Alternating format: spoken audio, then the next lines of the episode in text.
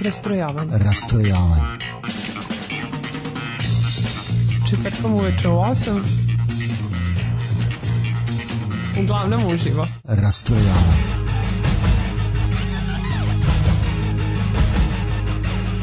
U 8 sati. Rastrojavanje.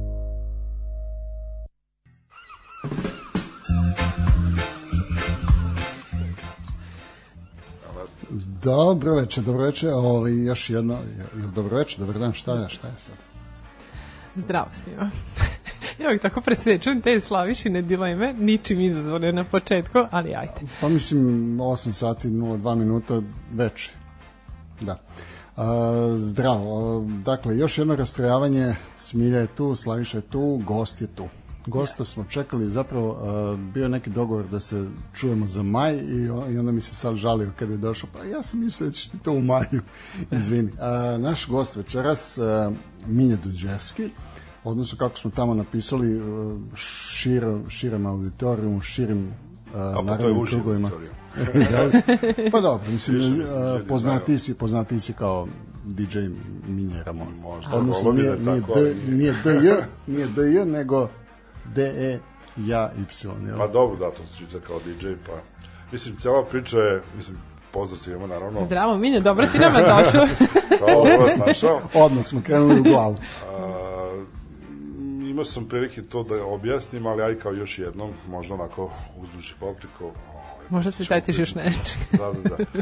Ovaj, e, vratio sam se DJ-ingu u jednom trenutku kada sam shvatio da to jako volim i da to jako želim, jer sam 90. godina bio prilično aktivan. Uh, počeo sam to da radim u na mestima gde su se držali koncerti. Jedan od takvih klubova je bio Underground Live na Novom naselju. I to su neki moji rani radovi što tiče uopšte tog nekog javnog nastupa i kao DJ i kao kasnije ubrzo i kao neko ko je organizovao i dovodio neke bendove da nastupaju. Međutim, taj klub Underground Life je bio kratkog daha, a prvih mesec dana je bilo onako skroz sve uigrano, dolazili su onako neki značajni, zanimljivi e, izvođači iz tog vremena ovaj, koji su harali scenom, da tako kažem. Koje je to vreme bilo? Ovaj, Pa to je neka, ja mislim, šta ja znam, 94. peta, 95. Ovaj, Koliko ti znači, u tom trenutku imaš godina? Imam znači tačka. 23 sam tad imao, znači 22, 3, tako nešto, ono kao student, Aha. ovaj, napaljen.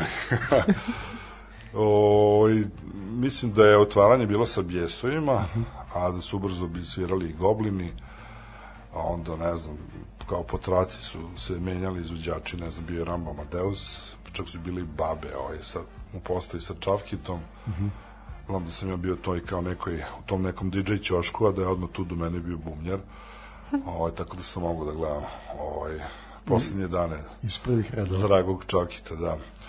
Ovaj posao o, zapalio tamo negde. U Australiji. Da.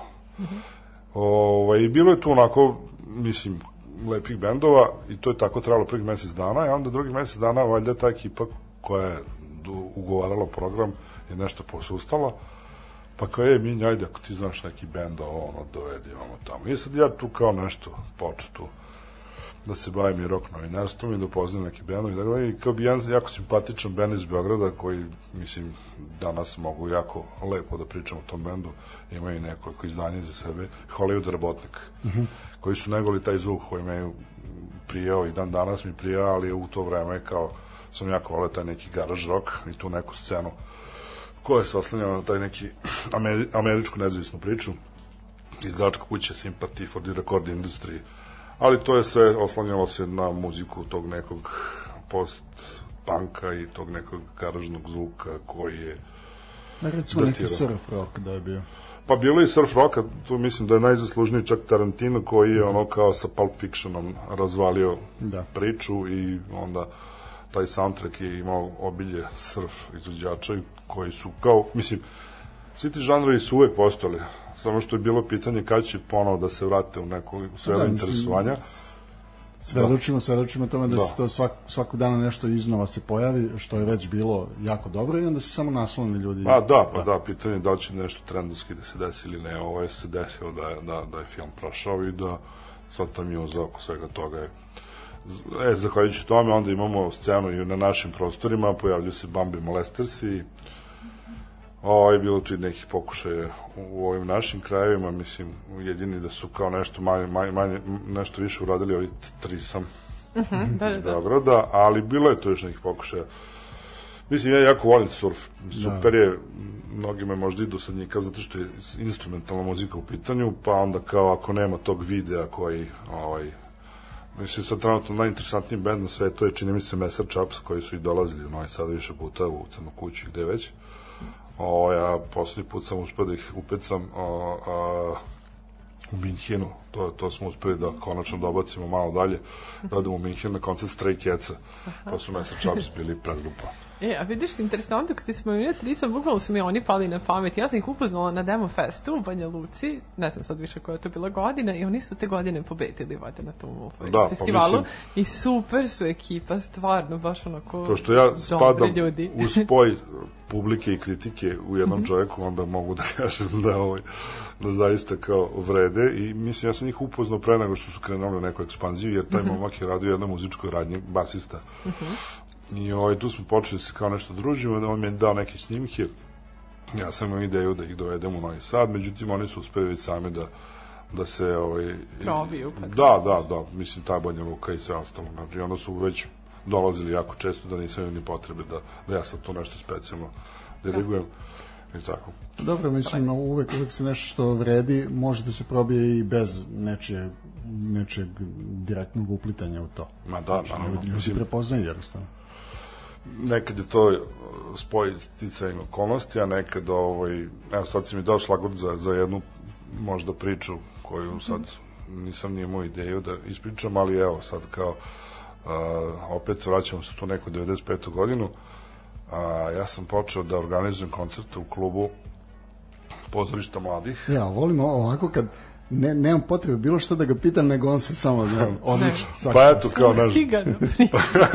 Onda ga pusti da priča. ovo sad što se zove Dom kulture, Da. to Da, se da. nekad zvalo Dom pozorišta mladih, klub mladih, hajde tako kažem, taj donji prostor a, i to je jedno vreme funkcionisalo, bilo savršeno mesto za svirke i mm, trajalo dok je trajalo. Ovaj, dobio sam priliku da tamo dolači neki bendove i prva svirka je prošla jako dobro. To je bio kao neki pokušaj da napravimo neku novu scenu u Novom Sadu, opet taj garažni zvuk koji ja jako volim i bendovi koji su to negovali, distorzija motorne testere, korozija i bend koji je možda malo drugačiji, ali su kao bili bliski sa ova benda, pa kao i oni su upali u priču, UMT, odnosno ujed motorne testere. I ovaj, sa ta tri benda nastupili su još dva benda, Sekta Uha, koji su svijeli ska, oni kao specijalni gosti, i Crna strana Belog, to je bend iz Bačke Topole, koji sam ja ubacio iz prostog razloga, zato što je frontman tog benda bio muzički urednik na mašincu, a mašinac nam je bio potreban kao strateško mesto za koncert i za sve, i onda kao je kao saradnja neka. Kombinaciji. A, oni su negovali neki zvuk kao na tragu nekog kalta. Ovaj, tako da nije to ništa bilo rađeo. I ovaj, čak na njihovoj jedinoj kaseti da sad objavljen, ja sam potpisan kao manager benda, tako da... Ali, da, ovaj, šta sam htio da kažem? Organizacija. Ne, te, tamo. te, kak, kak, verovatno je ono kad sam rekao kako ne, ne treba da se pogura, pa si ti ovaj, Da, e, onda je da, došla priča kao ovo je jako uspelo, ajde da napravimo nešto slično u nekom kratkom periodu. I mesec dana kasnije, ovo je bio neki decembar, mesec dana kasnije namestio se datum koji je bio slobodan igrom slučaja 13. januar. U to vreme se nije nešto slavila Srpska nova godina, bar ne ono nešto kao otvoreno, javno i levo desno. da. Ovaj, a sad, pošto je kao meni trebao neki štos za, za, za najavu, ja sam nacrtao plakat i na plakatu je bio Pa, lik s gitarom u kožnoj jakni rokerici mogao bi da liči na Saleta Verudu, pošto ima i lenonke, ali na glavi je bio, imao kao neku Deda Mrazovu kapu. Znaš, i onda je to kao bila kao neka uh, rock'n'roll uh, nova godina, tako neka varijanta. I prvobitno, uh, tu su trebali da nastupe tri bratska benda. I to je bilo zapravo ideja za taj koncert. To su trebali da sviraju Mitisers i uh, Six Pack i, i Gymnastics iz Roma. Oni su u to vreme bili onako kao bratski bendovi i kao imali su veliku želju da zajedno nastupi, ja sam to hteo da im organizujem. Međutim, šta se desilo? Tu se neko razbojalo, ne znam šta, bla, bla, bla. I nisu mogli u tom terminu da nastupe, a ja sam imao već zatvorenu priču za kao neki program. Rekao, ajde, umesto njih će svirati neko drugi. I umesto ta tri benda na kraju je sviralo nekih drugih osam bendova. ja sam htio da zatvorim priču sa četiri, pet, ajde kao neće, četiri, ajde nek bude pet, pa onda, ajde, možemo i mi, a možemo i mi, i tako na kraju osam bendova. I tu u suštini nije bilo toliko ni nepoznati bendova, na kraju su tu uključili neki onako u to vreme relativno poznati. A, bio je ovaj, Kao, na primjer. a, 16.8.23 iz Pazove, a, Muve koji su kasnije a, a, pobedile u- na Gitaradiju Zaječaru, to je novosadski band, onda ovaj, bio je novosadski Blitzkrieg, koji je bio prilično poznat u Novom Sadu, Force Union, koji su bili kao neki hardcore, Zapravo bilo svega. bilo je svega i čekaj sad ja sam hteo kao da ubacim nešto što kao ajde nije do sad bilo i nađem na moto kasete broj telefona i nazovem lika e, u pitanju je bila grupa Dog Holidays iz Vrbasa imali su jako lepu obradu grupe UK Subs i rekao ja ovo moram da, uvučem je bar jednom u životu u Novom Sadu I javi se neki kole koji je tako potpisan na kaseti kao, e, super što si nazad. Pa znaš, mi pravimo neku čoporijadu, kao, eto, mogu da vam ponudim putne troškove, pošto kao, nema to nekih para specijalno. Kaže on, ok, super, sviđa mi se, rado bi se odazvao, kaže, ali mi ne postojimo više, kao, psi, kao, dobro, ništa, šta da radimo, tako je priča. Kaže on, e, ali mi imamo neki novi bend. Pa rekao, dobro, pretpostavljam da je dobro, ako je ovo bilo dobro. A rekao, ajde sad kad ste nazvao, glupo mi je sad da kažem ne, ajde, hoćete vi novi bend da svirate? kao, kao, pa hoćemo. Kako se zovete? Veliki prezir. Opa. Imamo spot, rađen filmskom trakom, izabran je za neki festival spotova u Francuskoj. Mhm. Jedan od tri izabrana, bio onaj Playboy Znaj, čini mi se Električni orgazam i oni, kao totalno nepoznat band. Oni su se nešto furali na studiju B nekim tim radi stanicama po Beogradu, ali u Novom Sadu niko živi nikad čuo za njih. Nisu imali ni jedan živi nastup do tada. I sad kao mi slučajno pričamo i kao dogovaramo svirku. I uh, što je najluđe, kad su došli i kad sam ih upoznao, Uh, bubnjar benda je bio lik koji je svirao u mom omiljenom sarajevskom bendu Torpeda. Mm -hmm. Torpeda su rockabilly bend iz Sarajeva koji su pobedili u Subotici na omladinskom festivalu tamo neke 90-91. godine. Za jedan glas su pobedili obojni program koji, koji je bio u finalu, ali nikad nisu izdali album. Ja sam posle Maneta Lockdowna nabavio taj materijal, to je fantastično. Znači, pazi, rockabilly band iz Sarajeva, fantastično. Da. Imali smo Đavole u, u Splitu, imali smo Vampire u Beogradu, Da, i imali smo Imali smo ovaj Fantome u Zagrebu i evo kao torpeda u, u Sarajevu i to sad kad bi napravili neki reunion, reunion ja mislim da bi to bilo totalno ludilo. Ali dobro, mislim postoji neke Mihel indicije. sebi zadaje challenge. Ovde. Uglavnom, nažalost, taj čovjek je zaboravio sam ime, na, ovaj, poginuo u nekoj saobraćaju nesreći od da vozi bicikla, što je totalno luda priča, ali ovaj, tada kad smo se upoznali, on je odlupao taj koncert velikog prezira i to je bila ta neka prva postava. Posle to jako menjalo, znači to je bila skroz Vrbas ekipa, posle se Kole preselio u Beograd i sad manje više ima i novosadskih članova i nekih drugih, on je valjda jedini ostao iz Vrbasa. Ali kažem, i pretpostavljam, trebalo bi da je to, ako nisu nešto među vremenu odsvirali, to je trebalo da bude njihov prvi prvi nastup. Bog te kako nova godina. I da, što, šta je ključ u celoj toj priči, zašto to kao sad, sad može jedna čuporjada, ne mora ništa specijalno da bude za karijeru nekog benda, ali ovaj, gostao sam kod mog sadašnjeg direktora koji je vodio emisiju Top Plus, koju sam ja kasnije nasledio. ovaj, kao da najemo, da najemo tu svirku i kao može da se pusti kao jedan spot.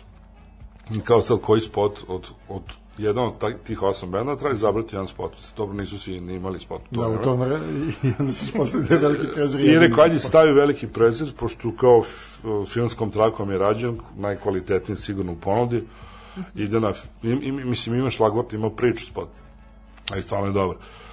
I ovaj, on kad je vidio taj spot, priznao mi kao, u čoveče, pa ja ovaj spot imam već par meseci, nisam ga nikad pustio, mislio sam kao to nešto bez veze, ovo, ono. I kao, ovaj, na kraju taj band završi na koncertu godine. Znači, Boba ga je zvao, na, ih je zvao, kakav- zato što mu se put. dopalo je rat. Ali eto, kao da se ta svirka nije desila, Da. sasvim slučajnost, znači treba je da Holiday da svira, a ne Da, da. i tako dalje, i tako dalje. Tako da Kako? nekad i potrebno, znači, malo sreće da se neke stvari desi. I dobre kombinacije. I mi sad nećemo slušati ipak e, to, nego ćemo slušati nešto drugo. A to nešto drugo nije ništa od onoga što si poslao, nego iznadit ću te. Dobro, može. Ovaj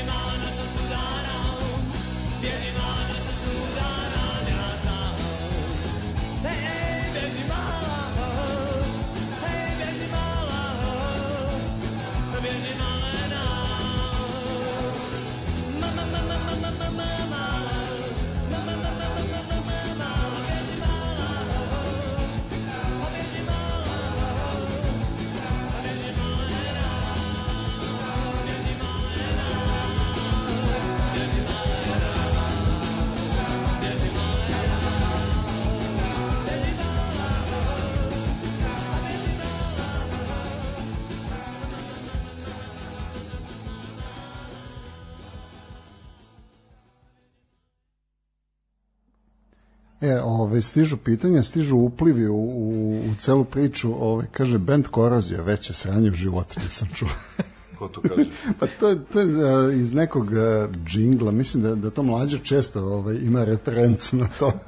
band Korozija, veće sranje u životu nisam dobro, to je čuo. vjerojatno neka, mislim, to je fantastičan be- band bio, nadam se i ostao, pošto nije nemoguće da se oni ponovo okupe. Ovaj, dešava se to s ljudima.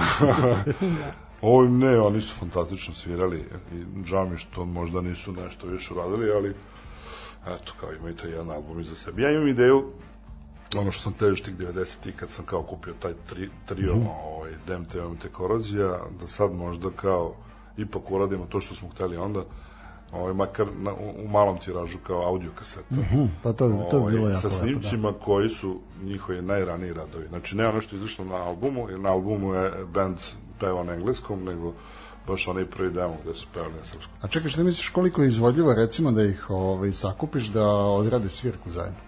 Pa, mislim, te revelne varijante su uvek izvodljive i to, naš, ono, kao napraviti neki dobar povod i mislim da je to uvek realno i moguće. Mislim, da n- niko se to nije posađao s nikim. Odlično, ajde, onda, da onda, se onda, onda, desilo, znači, onda molim te napravi, napravi neku varijantu da mi se raši odsviraju ponovo. i Meni se tako oni slušaju uživo. Pa pazi, ono, to je- Ptičica mi je rekla, ali mislim da to nije neka ni tajna, ovaj, treba da im izađe sad kao onaj album na, na vinilu, pa će to biti povod da, da se to ispromoviše, da se to možda kao uz neku svirku iz, napravi. tako da. To, bi- to bi bilo Znači, odlično. ono, Kako onaj? CD što je izašao z- baš za SKCNS, pre izuzetnog deseta godina. Da, to je koliko već prošlo. 2008. mislim da je, ili 2009. Eto, malo više od 10 godina. Ovaj, to, to ovaj, entuzijasti ovaj, su rešili da Sad, sad to ide na na vinil. Odlič, da, da. Odlična priča. Ovo, mislim, ja, ja već duže vremena imamo ovaj, u planu da dovedemo ovaj, dušanu jačmenicu. Ovaj, Aha, aha. A mislim, evo, sad, sad je aktualno recimo i sa ovaj, Delimanosima, tako da, da bi možda bilo ovaj, jako pametno da ga se... Nego, da Jako mi, pametno, čekaj, da Minja završi priču o svom DJingu. Pa mislim, sad- sad- sad sam otišao i sad nemoj ga, hteo sam se Znači, već si ga, ono, zalimanio s teme, tako da, Minja, kaži ti nam. Pa ne, Kako? mislim, kad god sam i ranije pokušavao da ispričam priču, uvek nešto izostavim, pa rekao, ajde sad da probam da, da kažem sve detalje. Pa si otišao. da, da. Ovaj, desio se nekoliko stvari vezano za taj pseudonim DJ Minja Ramon. Jer ja kad sam počinjao da puštam muziku, nisam sad to neku toplu vodu izmišljao kad puštam muziku, kako zoveš DJ Minja i to je to kao. E onda se desila neka nova godina, neki poster, neka nova poster koji sam video zalepljen, gde piše DJ Minja, ali to nisam bio ja. I onda kao, pa nije to baš toliko ovaj, redko biti minja, i rekao, ajde onda da smislim nešto kao naš. Pa je bilo to raznim pseudonima, što od strane nekih drugih, što sam ja nešto izmišljao i tako dalje. Uglavnom, tamo neki 2003 slučajno, spontano krene serijal koncerta koji treba prvobitno da bude samo četiri koncerta, pa se to pretvorilo u serijal koncerta čitave sezone. Zašto me ne Tribute, čudi? t- tribute koncerti u Pipingu sredom. Aha. Ovaj, e, godinu dana ranije sam radio opet slučajno, spontano, bez nekih ono kao planova i programa i javili su neki momci i nema ko da im radi koncert u Novom Sadu. Ja se prihvatio toga i uradim koncert koji je bio u ponedeljak u kafe klubu Scena i molio sam se, nadao sam se da će biti bar 50 ljudi, da to koliko toliko pristojno ispadne da napravimo neke novce da se to kao pokrije tako dalje. Bend je svirao samo za troškove, troškovi su bili ono da im se pokrije taj neki kombi, ali ih je bilo puno u bendu. Uglavnom, sad, da, sad ne podsjećam cifara i svega toga, ja sam sa ovaj, tim klubom uspio da se dogovorim da, da im on pokrije, ovaj, kako se zove, traženo, a da ćemo to napraviti, zato što je kao direktorica tadašnja kulturnog centra, gde je prvobitno bila ideja da se desi zapravo u Pipingu, a, premešten u klubu scena, da se ne bi remetio prostor tamo, a, jer u, u, u sali su se puštali filmovi iz festa. I sad da mi pravimo buku, a ja inače obožavam fest i redovan sam posetilac i bilo bi mi krivo da mi neko pravi buku dok ja gledam film. I onda ja to nisam hteo drugom da radim. Pa sam zamolio direktoricu ako možemo da nađemo neki drugi prostor i našli smo eto, taj klub scena. Ja prvi put komuniciram s čovjekom, on naravno prihata jer je dobio na neki način podmoranje da to mora da uradi. I de, dešava se to tamo. Međutim, ta priča je toliko upalila, toliko su se ljudi primili, uh, pritom je bila svirka rođendan Bob Marlija. Bob, Bob Marley's Day, koji se nikad do tada nije slavio u, u, u Srbiji. mart. To je februar, Da, februar. neki o- 8. februar, ali je bila mini turneja, Beograd, Kraljevo, ne znam gde još, 3, 4, 5 gradovi, kao Novi Sad je ostao kao da popuni rupu sa tim ponedeljkom. Međutim, mi smo toliko prodali karata da nismo mogli više, ja ne znam ni koliko karata prodati. Znači, to je, hol je bio popunjen do vrha. Ljudi koji su ostali napolju su grebali po staklu, hteli su da uđu, nisu mogli. ja znam kad sam od, iz donjeg nivoa trebao da se popnem na gornji, što je inače posao od par sekundi, trebalo mi je Dva minuta. po 10 minuta da se probijem kroz masu. O, I tako, znači, nevjerojatan triumf. I kad takvu svirku imaš, kao, zašto ne bi to ponovili? I onda kao sam direktno kao otišao u Pimpin, dogovori se s menadžerima kluba da napravimo dali su mi sredo, nažalost, eto nije ponedeljak za promenu. I kao sreda nekako i bolje zvuči. I napravim četiri srede u nizu. Ovaj, Bob Marley, Ramonsi, već je umeđu vremenu ovaj, preminuo Joey Ramon, pa sam ja kao veliki fan Ramonsa morao da napravim neku svirku, a DMT inače svirao Ramon se pun gas, tako da smo već imali celu priču zatvorenu. E onda u februaru ima godišnjice Bon Scotta, pa smo bacili ACDC i ne znam, četvrti tribut je bio kao Rolling Stones i to je to kao naš. Kao da popunimo četiri različite priče, kao neki hard rock, punk, reggae i eto neki klasik, Da. kao, kajde, kao to je, to je bila ideja. I sve četiri zvijeke su prošle fenomenalno, da smo mi jednostavno morali to da ovi menadžeri u klubu kao daj čoveče, daj još toga. I ono šta ću kao za ove u Beogradu, pošto u Beogradu ti tribiti su uveliko funkcionisali, Da, tako da da. sam na neki način no, ovaj, bio pionir, u, baš što se tiče Novog Sada. U tim tributima, i, znači to je bio februar, pa smo radili još marta, april i maj, puta na minimum četiri, tako da to je bio onako lep broj tih nekih koncerata. Kasnije se to preselilo i na gradilište i na ovaj, London Underground i tako još neke, ne, neka mesta gde, gde se to radilo, a posle su ti tribiti se razvukli Zaživeli. zaživjeli Da. više mi ja nisam bio potreban. Da, Da, da. pa sam se ja vratio u svom onom kao nekom autorskom smislu. O, ali sad opet sam udalio od osnovne priče. Da, DJ. ja sam za svaki tajni koncert, tribut, pored benda, da bi obogatio kao priču, ubacio DJ ovaj, DJ onaj. Pošto kao tribiti su, pa kao naš, da ne bude sad kao samo band svira, nego da ima i neko zagrevanje. I sad ne znam, kad je bilo tribute to Blondie, kao DJ Atomic, kad je tribute to Azra, DJ Johnny, kad je tribute to Petersi, DJ Paprika. Ti si baš onako prilagodio. Uglavnom to su bili kao, naravno, izmišljeni pseudonimi i naravno sam uvek bio ja taj DJ, osim jednoj prilici. Tako da sam za Ramon se bio Minja Ramon i to je stavljeno na plakatu, čak smo i štampali majice, jer štampar plakata mi je ponudio da radimo majice, a meni je bilo to interesantno, je to kao bila fora da uzmeš grb Ramonsa i da ubaciš druga imena, ne Da. osnovna, originalna imena, nego i imena ljudi koji tu sviraju, pa su tu bili Mića, Marko, Goran, i naravno including DJ Minimum. I sad kao ja sam tu majicu furao jedno vreme, bez ideje da, da to tako ostane. Ja sam da, dalje ono kao bez nekog pravog imena imao. I dalje si bio DJ Minja. I onda se desilo da par godina kasnije, možda nije baš para, ne, ubrzo, u, u, u Dublinu je nastupao bend iz Australije, Ramonete. Naravno, ja bio organizator. I, i sad ta žena, to je trio bio, dve, dve žene i jedan muški ovaj su činili bend Ramonete, ovaj, prvi put u Evropi, pa su snimali road movie, nosili kameru. Sad uvatili oni mene, kao ajde nešto da kažeš za road movie. Pa rekao, ajde. Kako se ti zoveš? Rekao Minja. Kako se prezivaš? Donđerski. Ma ne, kako se prezivaš? Ja gledam, pa kao, hm, Donđerski. Ne, ne, kako se prezivaš? I ovako pokazuju mi prstom na majicu. I ja ono kao, ha, da, izvini, molim te, Ramon, Ramon, kao da. I kao, to je bilo simpatično, to se sad, ta scena ima u filmu, ovaj, diljem Australiji, gde se već to emitovalo, ali, ovaj, posle mi to kao pomoglo da da to kao uobličim i da to kao prihvatim. Jer posle kad sam razmišljao kao zašto Ramon, pa kao da, u stvari, Ramonsi su sebi dali ime po Paul McCartney. Paul McCartney je, ovaj, kad je hteo inkognito da se prijavi u hotelu ili tako negde, on se predstavlja kao Paul Ramon. Pa su Ramonsi kao napravili foru da to bude najčuveniji pseudonim. Oni su naj, najčuveniji pseudo band, lažni Beatles ili trash Beatles ili kako god. Tako da su zato oni Ramonsi. I onda meni to kao pa da. E sad imamo ljude u bendu, jedan se zvao Didi Ramon, drugi se zvao CJ, kombinacijom tada im- imena dobijemo DJ. I onda kao, to mi nekako zvučalo savršeno i onda sam ja to tamo neke 2007. 8. možda kao definitivno prihvatio da to tako Da to bude.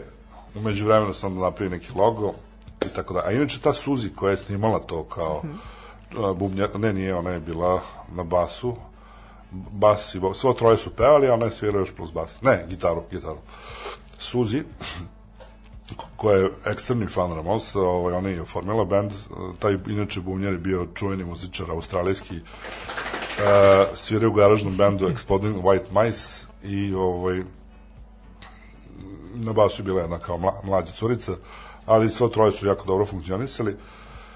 To kad smo pričali kao Ramonci levo desno, ona je vadila svoj australijski pasoš da mi pokaže da se ona zaista zove Suzi Ramona.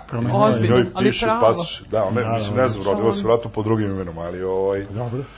Ne, da mi mislila si ti njoj neki rod, a moguće da si neki, neka poznata Uglavnom drugari ličnost smo u na Australiji. tako da ovaj, ono kao, posle ona meni slala te neke video uratke, ali su oni od tih snimaka napravili ne ja, nego više filmova. A sad tu u to sam nastavcima ja- izlazilo. Ja to što sam gledao nisam uspio sebe da vidim, ali mi ime uvodio na špici. Piše, piše mi naravno, kao, i kao, kako sad, Tako da sad verovatno mi nisu poslali sve linkove, ovaj, a to i nije ni YouTube, nego neki, ne znam koji sad kanal, pa je malo teško to iskopati. Ali, ok, jednog dana. Jel na, na onom Vimeo? Pa, mislim, možda to je nešto Da, sasvim da, treće. da. Da. Pa Tako da, eto. Dobro, idemo na remont Pa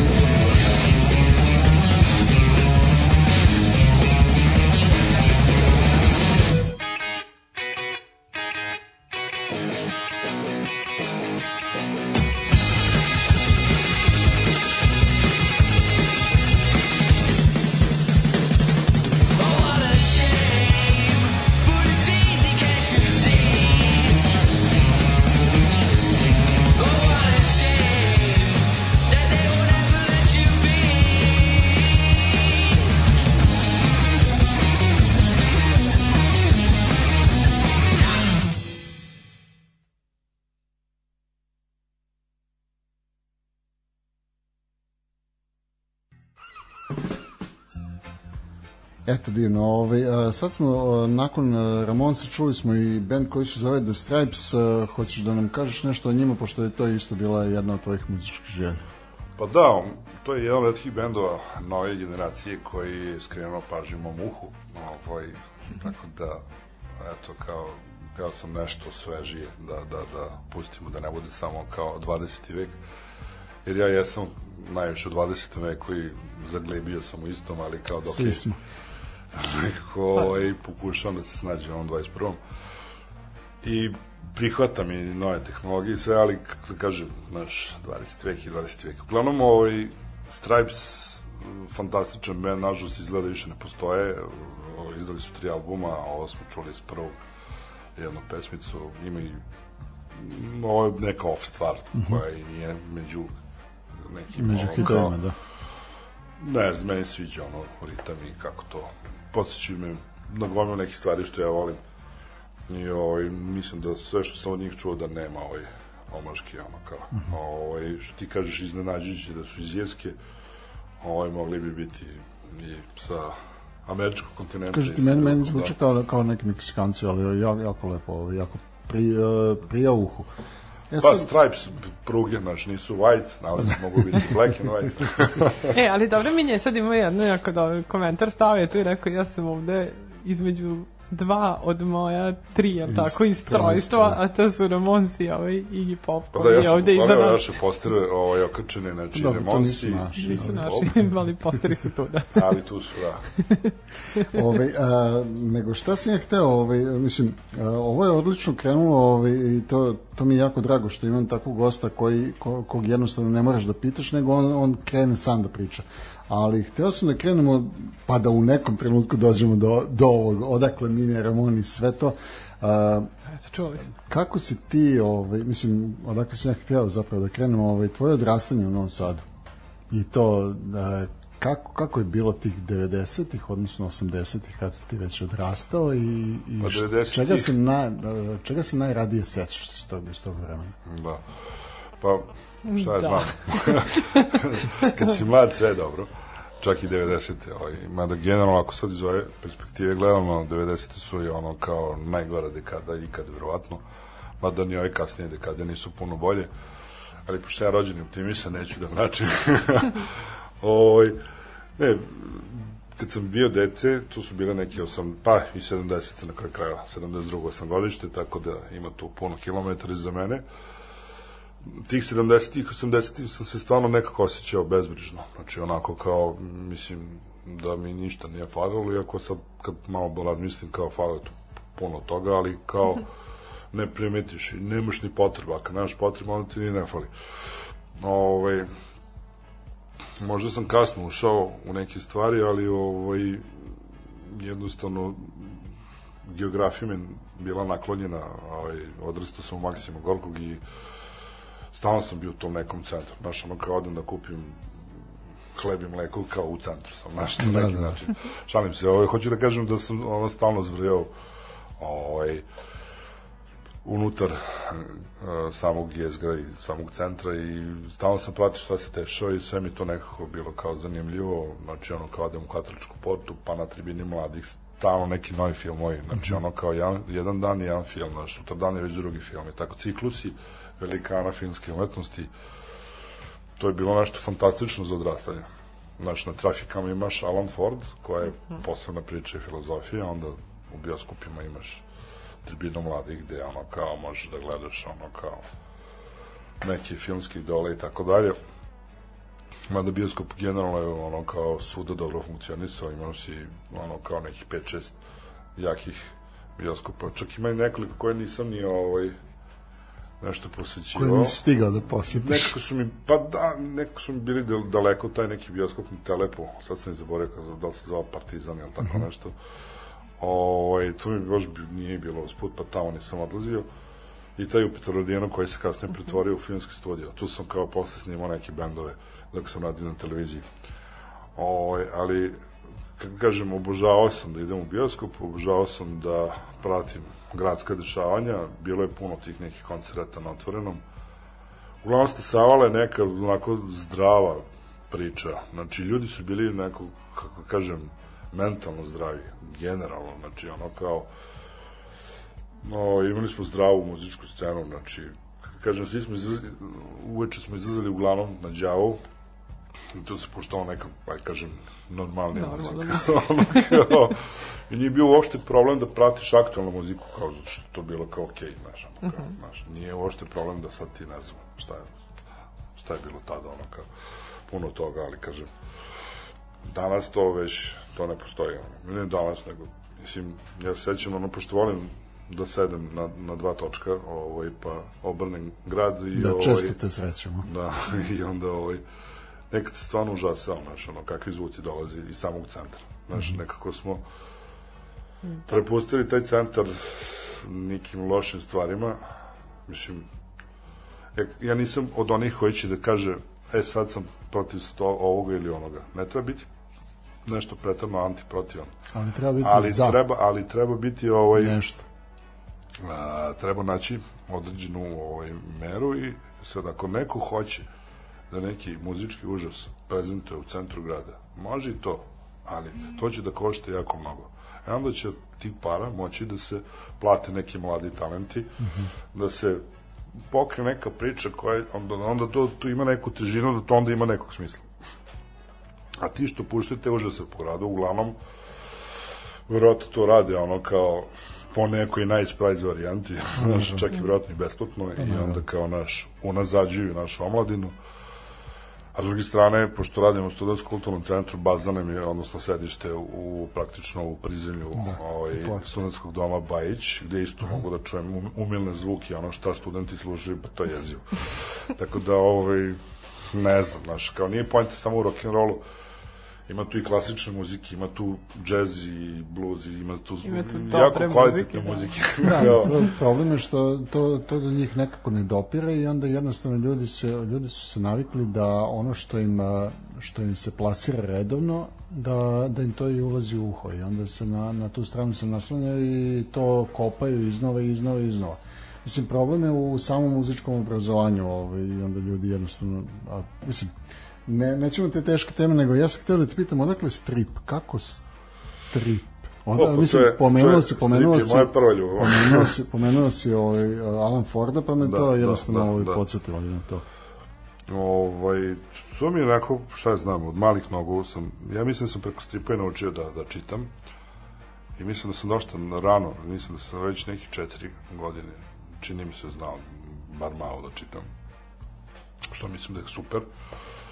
Ovaj, I stripovi su mi bili onako kao nešto redovna stvar, ovaj, i mislim, tad se to zapravo serviralo na svakom koraku. Znači, ono kao, ja se sećam kako smo zapravo dolazili do džiparca.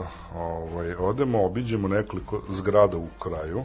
Kao, znaš, ono kao bilo je normalno da ljudi kad nešto kao hoće da, ali kažem, bace, stave gomilu novina ispred svog stana ili tako neki, znaš. I onda to ko dođe, neko to odnosi, pa kao stara hartija, pa se zavedi. A mi smo kao u tim starim novinama tražili stripove. I onda kad nađemo te stripove ili zadržimo sebi ili kao idemo da ih prodajemo. I onda smo imali bazu, tamo onaj ćošak kod ove ovaj, porušene jevre, je, jevrenske crkve, onaj tu preko puta pošte, Da. tu gde je ta banka i tu. Tu je onako bilo kao, kao neki stepenik na koji smo mi mogli lepo da poređemo ove, te stripove. To, I onda to vam je bio kao štand. Nas, nas, da. da, štand. I kao nas tu nekoliko stanemo i kao kad prodamo neku količinu, bili smo ekstremno povoljni. I, ovaj, I ljudi su svi koji su prolazili su imali solidno para u džepu i onda kao to je bilo kao, kako da kažem, svima je bilo super. I s tim parom onda posle odemo posle stičanice, pa odemo u bioskop, pa naš, ba, ba, mislim, nekako kažem, klincu s toliko godina, stvarno život bude lepo. To ti je zapravo Pa bio prvi, obrne. prvi džeparac, je li tako? Pa između što ostalog, mada ja sam kao krenuo da budem deo working klasa jako rano, znači ono kao ovaj, završi se škol, školska godina i preko leta onda ja kao radim preko studentske zadruge i to ja mislim već tamo neki pa možda peti, šesti osnovni Pa da. Ovaj, sam ja radio u dnevniku kao u knjigoveznici, znaš, kao to je fizički posao, ali prilagođen nekom muzistu, kao, pošto kao slažeš stripove i čoveče. Ja, Pa gde ćeš bolje bolje, da, da, da. Kad ja pitam tamo taj ljude što rade, kao, pa li sme taj strip da se uzme? Pa kao, dozvoljen je dnevnik da uzmeš, kao to je besplatno, kao stripovi ne bi smeli, ali kao, kao sakriš u dnevnik, znaš. I onda ja uzmem 30 komada stavim u dnevnik i ovaj portir gleda i umire od smeha. Tako da, Nisi ovaj, rekao koliko, da. Da, tako da i to je jedan bio izvor, ovaj, ali mislim, znaš, kao, tad je prelivalo na sve strane, znaš, ono, kako kažem, imaš zemlju sa 22 miliona stanovnika, ogromne tiraže, niko to nije osetio da sad tamo neki klinac iznese 30 komada, mislim, maš mislim, i tako dalje, ali nisam bio sigurno jedini i, ovaj, znaš, kao, ovaj, dnevnik je obsluživao celu tu teritoriju i, mislim, svi su kupali stripove, naveliko to se baš negovalo.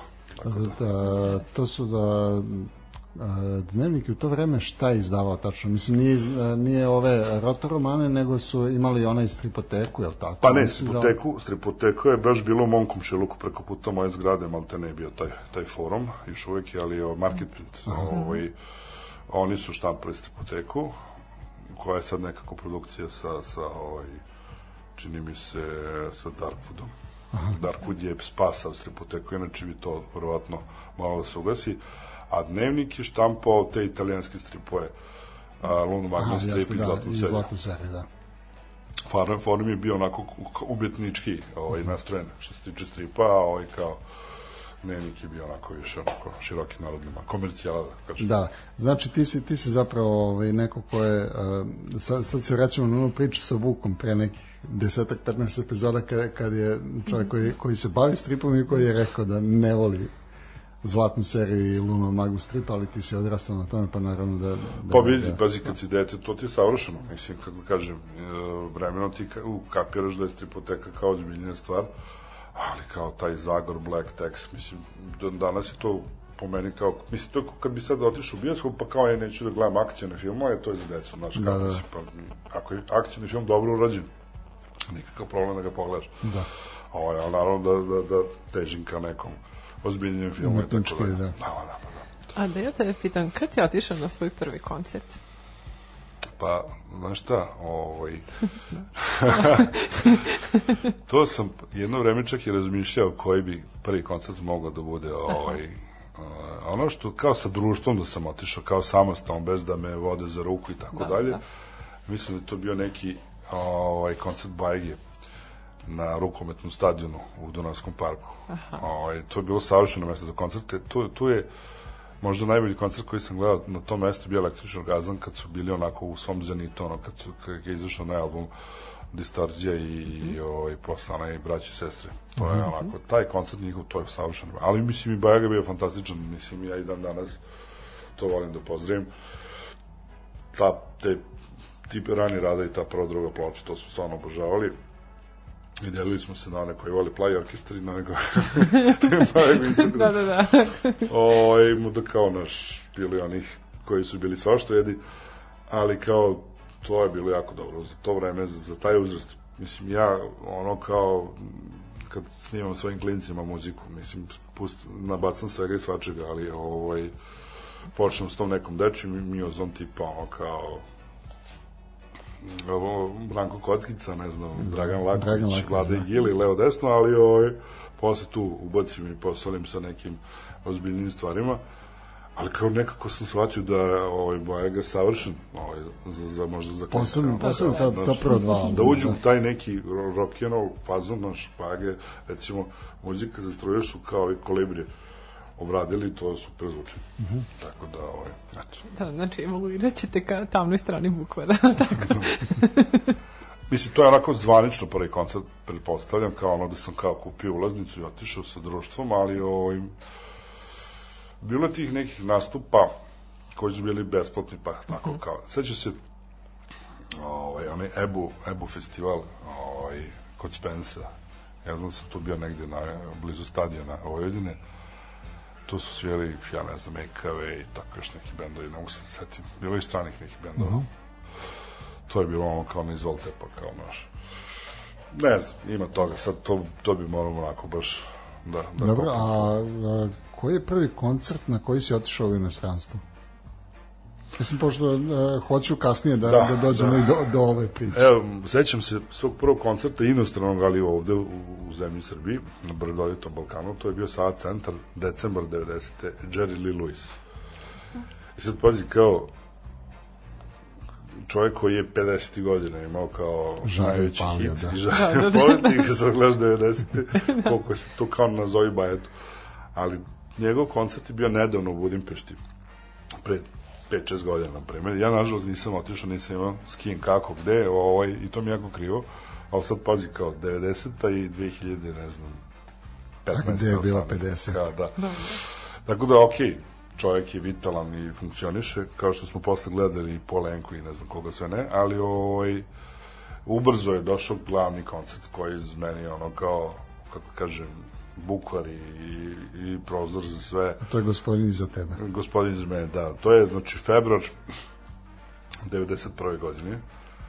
Ovaj, Beograd ha, na, sali, e, na sajmu.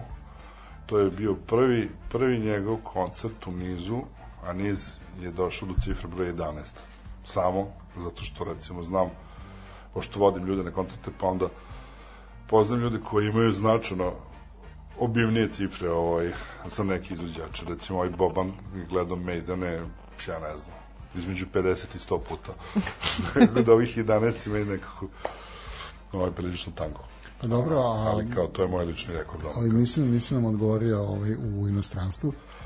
A inostranstvu, da, vidiš, to je dobro pitanje. Mislim da je to mnogo kada godina kasnije, ja sam stalno tih 90. kubor s pasošem, pošto to i koštalo, da se to ni napravi, trebalo i vremena i onda sam tako uvek kaskao. Promašim ovaj koncert, pa promašim onaj. Znam da nisam otišao na te Stonese, ovaj, 95, to mi je bilo krivo, pa onda možda najžaliji koncert na koji nisam bio su opet Jerry Lee Lewis, Little Richard i Chuck Berry. Kako ekipa, ono. Pa da, meni je nevjerovatno, znaš ti, mislim, ljudi znaju da ti ovo da- organizuješ sve to i sad kao nisam imao s kim da odem ili kako, znaš, je što Pa nije, procesuiram. ali kao, znaš, ja nisam patio toga da moram s nekim djenom, ja sam često i sam išao i u je bioskop okej. i na koncerte i sve što, znaš, ni- nije mi to bio problem, nego bio problem onako kao same realizacije. Ne možeš ti otići u Budimpeštu tek tako, ili, na, Mhm. Dobro, ili da. recimo u Zagreb na Ramonse, 90 odnosno tad nisam ni znao šta, šta kako se zovemo, kamoli. ovaj, ali recimo 95. to je već bila nemoguća misija otići ovaj, u Zagreb na koncert, tad su, ubrzo su bili i Krampsi, ne znam koje godine. Tako da, da, eto, ima tih nekoliko. A recimo, isto jedan koncert koji znam da se desio u SKC u Beogradu, to sam mogu komatno da odem da sam bio kući, ali nisam bio samo u vojsci, to je neka 92. ja u vojsci, a u SKC sviraju Party Breakersi sa gostom koji se zove Johnny Depp. I Jim Jarmusch koji ih ima javljaju, znači kao i ju, rekao kakva svirka, ono. Fantazija. Pa da. A, Da, prvi koncert u inostranstvu je mnogo godina kasnije, ali ja sam to prilično dobro nadoknadio, ovaj, ali prvi je bio tek 2000. Si, Sigec festival, ali išli smo da gledamo Leningrad Cowboys. Da, i to je jako zanimljiva tura uopšte bila. Naš četvoro smo se dogovorili, četvoro, petoro, nas petoro se dogovorili da idemo kolima, dvoje od pet, petora ostaju na celom festivalu, a nas trojica se vraćamo. Idemo samo da gledamo Cowboys. I da idemo u taj Siget konačno. Da, kao, da, da. Kako je to lodnica. Znači, 2000. godina vozač je Slavko Matić Brusli, koji je krenuo preto, u Budimpeštu je krenuo preko Petrovaradinskog mosta. Onda znate kako je, kakav je to vozač bio. Samo smo ga pitali gde si ti to pošao. Dobar, dobar je vozač, geografija nije jača. Pa, ovaj treći lik Nebojša, on, onda on preuzeo volan ovaj, u povratku, kao nemoj ti da voziš, odmari se. Da, da. Ko zna da da mi znaš. dođemo čitaj. Da. Ovaj, Leningrad Cowboys, i sad kao da se nadovažem na taj band, a, ja ne znam sad tačno kad je taj prvi film izašao, 80 i neke možda, ili možda čak i 90. Ovaj, Leningrad Cowboys Go America. To je jedan finski band izabran da glumi lažni band koji se zove Leningrad Cowboys i oni su, zahvaljujući popularnosti filma, postali Leningrad Cowboys. I uglavnom krenuli su da nastupi i tako dalje i tek tamo neke 2000. ja ih gledam prvi put. Međutim, na primjer, neke 2008. ili plus minus, dolaze u Beograd. I ne bi to bilo ništa problematično kad u Novom Sadu nastupaju na trgu Edicts, koja isto nikad nisam gledao. I sad kao, na koju stranu? Na trgu u Novom Sadu, besplatan koncert Edicts u organizaciji SKC povodom Dana Evrope. Da. A u Beogradu Leningrad Cowboys, čiji su fan. Je li moguće da, izvini sad, digresija, Edikci su bili 2008.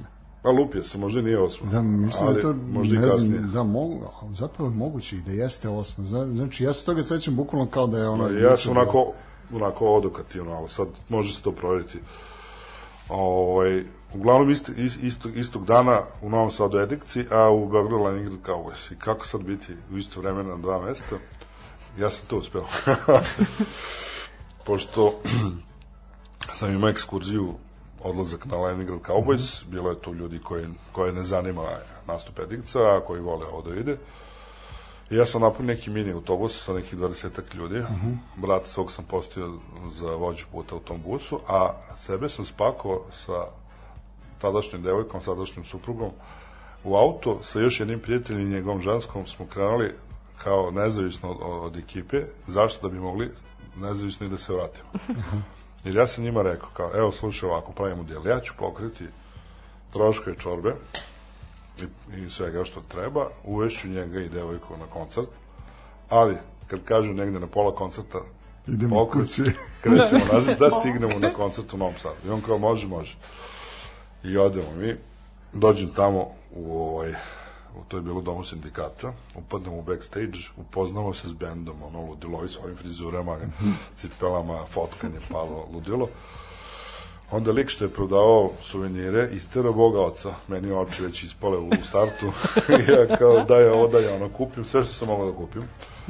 Pala jedna majica, ne znam, DVD, dva audio tiska i sav srećan. Kad sam izlazio iz sale, kad smo krenuli za Novi Sad, prođem opet pored suvenira i ja kričkom oka vidim da tu sad ima neke stvari što nije bilo. Ju, čekaj, stani, stani, stani, kao, šta je bilo? Kao, pa majstore, ovo nisi imao. A lik što je prodao je bio neki bosanac, pa sam mogao lepo s njim da pričam. Ko daj, brate, skinuo si mi kožu s leđa, kupio sam ti Boga oca, rekao, daj, daj malo nešto, ono, kao neki popust, ovo, ono. Ja, Jarane, ne, ne, ne mogu ti dati popust, ja dođem ovo po ovoj cijeni, ne, e, e, ali imam nešto za tebe, ako kupiš ovo, daću ti nešto, kao. I vadi tu iz nekog pratinca, Opet buđaka. Da, da. vadi orden Leningrad kao Ju, ja no, ne mogu da verujem kako najbolju moguću stvar izvedi. Ja rekao, Daj. može, kao sve, daj, no.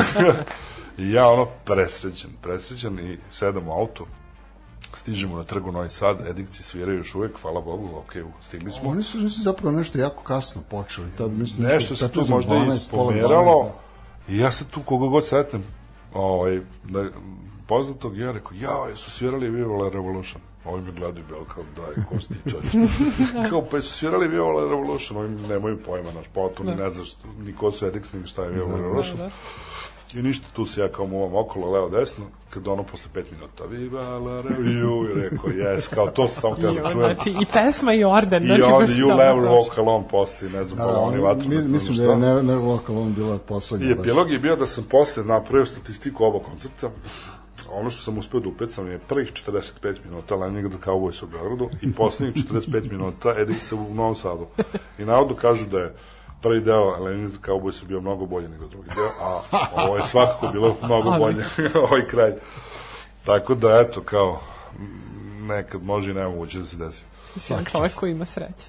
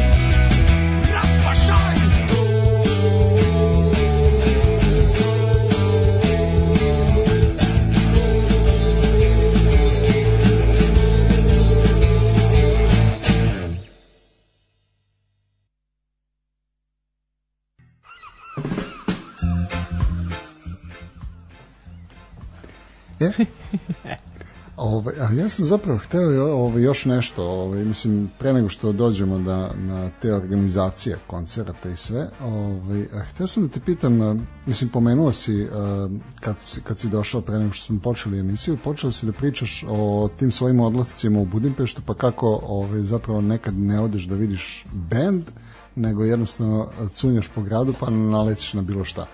A, pomenuo si te neke svoje ovaj, kolekcionarske ove, varijante. A, I ono za šta ja znam da, da skupljaš to su um, CD, CD ili ploče, šta je već. Ovaj, mislim, CD. za CD znam. Ja sam ovaj, e, nije vinil još taj? Pa, da. ovaj, je a, tačno. nego pomenuo si nešto sad usput, a, kartice. Da, to je kod mene postalo zanimljivo poslednjih pet godina. Ovaj, imam jednog dobrog prijatelja koji je zalođenik duže ovaj, za tu vrstu kolekcionarstva. Kartice su otprilike, da pojasnim, nešto slično kao samolepljive sličice, ali nisu samolepljive. U suštini, ta I ne tradicija, Ne ta tradicija ovaj, se neguje dekadama, ovaj, da ne kažem vekovima još u Americi, ovaj, najviše sa bejsbolom i NBA-om, ali ovaj, evo kao sad posljednjih godina eksplodiralo i ovde u Evropi da se to sve više ovaj, skuplja. A, Ali ne samo može. sport, je li tako? Da, nije samo sport u igri, ali sport je najzastupljeniji zato što kao te neke kao kartice dolaze do nekih sumanatih Da, cena. cifara, što je meni bez veze malo kvari celu tu priču, jer mi nismo ušli ovaj, u, ceo, u ceo taj hobi zbog nekog biznisa, nego zato što nam se to sviđa, zato što volim i tako dalje. Ovaj, sad, tih mesec dana pre korone, sam- imao sam priliku da odem na nekih pet tura u Budimpeštu i kad sam prvi put bio Zahvaljujući informaciju od prijatelja, ja nalazim tu jednu prodavnicu, a kao namerno čak dve postoje u Budimpešti za koje sam mislio da to u Evropi ni nema. Uglavnom, tamo ovaj, uvoze američku robu, te kolekcionarske kartice koje možeš da kupiš ono kao na komad, na... Čak su napravili jako dobar fazon, pošto te kartice se kače u u, to su takozvani binderi, pa kao imaju neki provedni džepovi, pa to se ubaci u Aha, taj kao, neki, kao neki- kao neki album. Kao znaš, ono. legitimacija, šta? Ne, ne, ne, kao neki album gde ti možeš da album. listaš i da vidiš šta je, znaš, sad, kartice mogu biti obostrane ili jednostrane, sad, ovaj, ali svakako je taj džep providan sa obe strane i onda ti kad ubaciš tu karticu, ovaj, možeš da vidiš kako ta kartica izgleda i od napred i od nazad. Mada te neke specijalne, kao te vredne se stavljaju neke kutice, u neke, ne znam kakve varijante, to se čuva, pa se nešto šalje da se dobije neki potpis, pečat, pa onda to ne znam kako radi, tako da, ali mislim, meni to ne igra, nego kažem, eto, ovaj, pošto su imali dosta NBA, onda meni je bilo zanimljivo da nabavimo ove neki naše ove novije igrače. I ovaj, kao naravno Jokić je kao tu kao glavna fora bila, međutim njega ima ko salate, ono kao, pošto je kao u startu postao bitan igrač i, Da, da. i, te, i pre dve godine bio dosta interesantno. Ali mi, ja sam hteo da izvučem Bogdanovića kao partizanovac, kao moram da, moram da imam Bogdanovića. Još jedan partizanovac. Da. Da, i ovaj, kako se zove, dođem ja jedno, jedno popodne kod njih u radnju, a ovaj, oni imaju običaj, pošto te neke kutije znaju da budu jako skupe, recimo jedna kutija, sad ne znam, 50 kesica, možda košta, na primer, 200-300 evra. I onda se skupe njih nekoliko, pa se razdeli. Aha, I onda otvaraju se, da, na licu da. mesta. Pa kome šta zapadne. E sad, fazom tome, ti kad kupiš tu kutiju, zasigurno osvojaš karticu koja vredi kao cela ta kutija. Da, da, da. kome će da zapadne, to je sad lutrija. I sad kao, znaš, to je malo i draž kad tako se skupe njih, znaš, sad dođe njih, ne znam, 5, 6, 8, zavisi koji je ulog, koliko, znaš, sad ti ne znam koliko možeš da dobiješ kesica kad se podeli, uglavnom, ovaj, ja se tu pričam s gazdom, nešto se kao dogovaram levo desno, kao on će meni da te Jugoviće nakupi. Da pa odvoji da sa mi- strane. Da, da, što je, to što je kao razumna cena, što nije nešto kao sumaratno. Ovaj, I tako u tom komunikaciji ovaj, Tarzan Engliša i ovaj, kao lik koji ne poznaje me, vidi mi prvi put u životu, samo mi gurne ovako, kao, e, evo ti kao naš, kao izvuko je malo pre. Da. Ja gledam ono Bogdanović, i ekvator, i kao pa to mi radi. Ja presrećem, znaš, i naravno posle ja kupio tu dosta stvari.